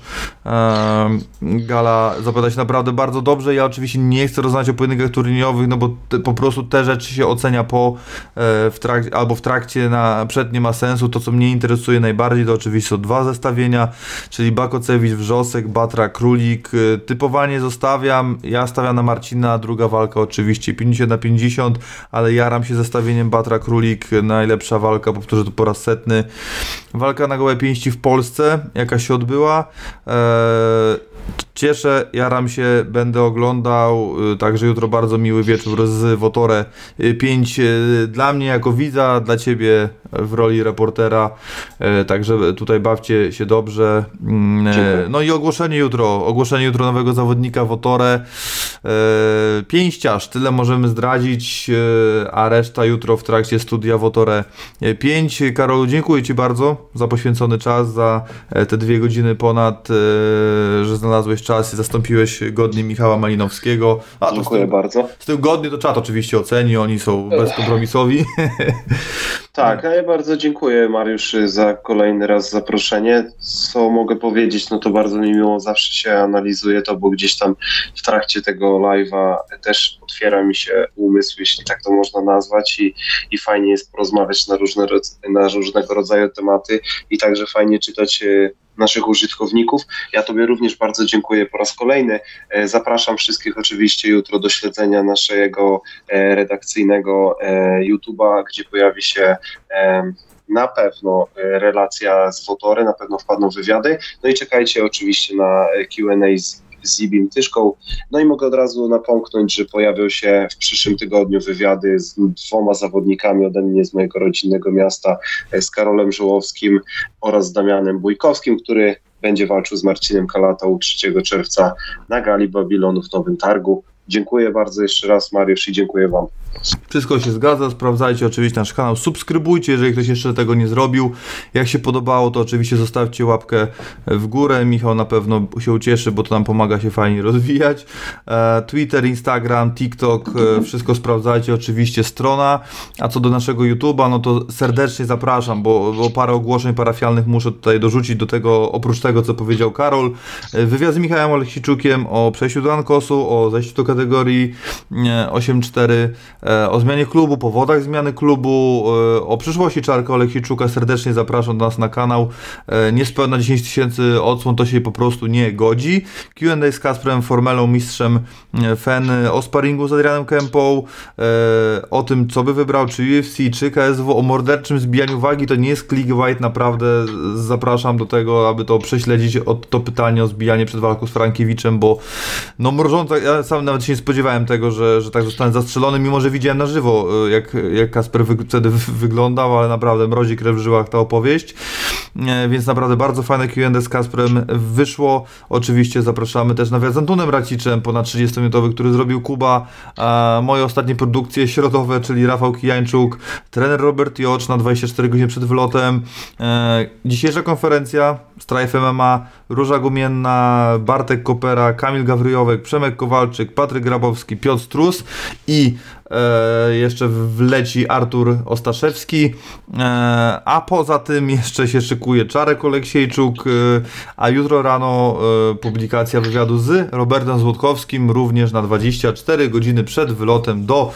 Las Vegas z teamem B. Łachowicz. E, Tak jest. Chyba tyle. No i Q&A z, z, z trenerem Zibim, Zbigniewem Zibim Tyszką. Serdecznie zapraszam. Sam zadałem 11 pytań. Jaram się. To jest to Q&A, którego, na którego nikt nie oczekiwał. Każdy potrzebował z pewnością. Myślę, że będzie nie gorszy niż z trenerem Grzegorzem Jakubowskim, mm, którego jestem osobiście wielkim fanem, jeżeli chodzi o, o, o materiały wideo na naszym yy, kanale. Też wielce niedocenionym, bo jedynie 10 tysięcy odsłon też się nie godzi.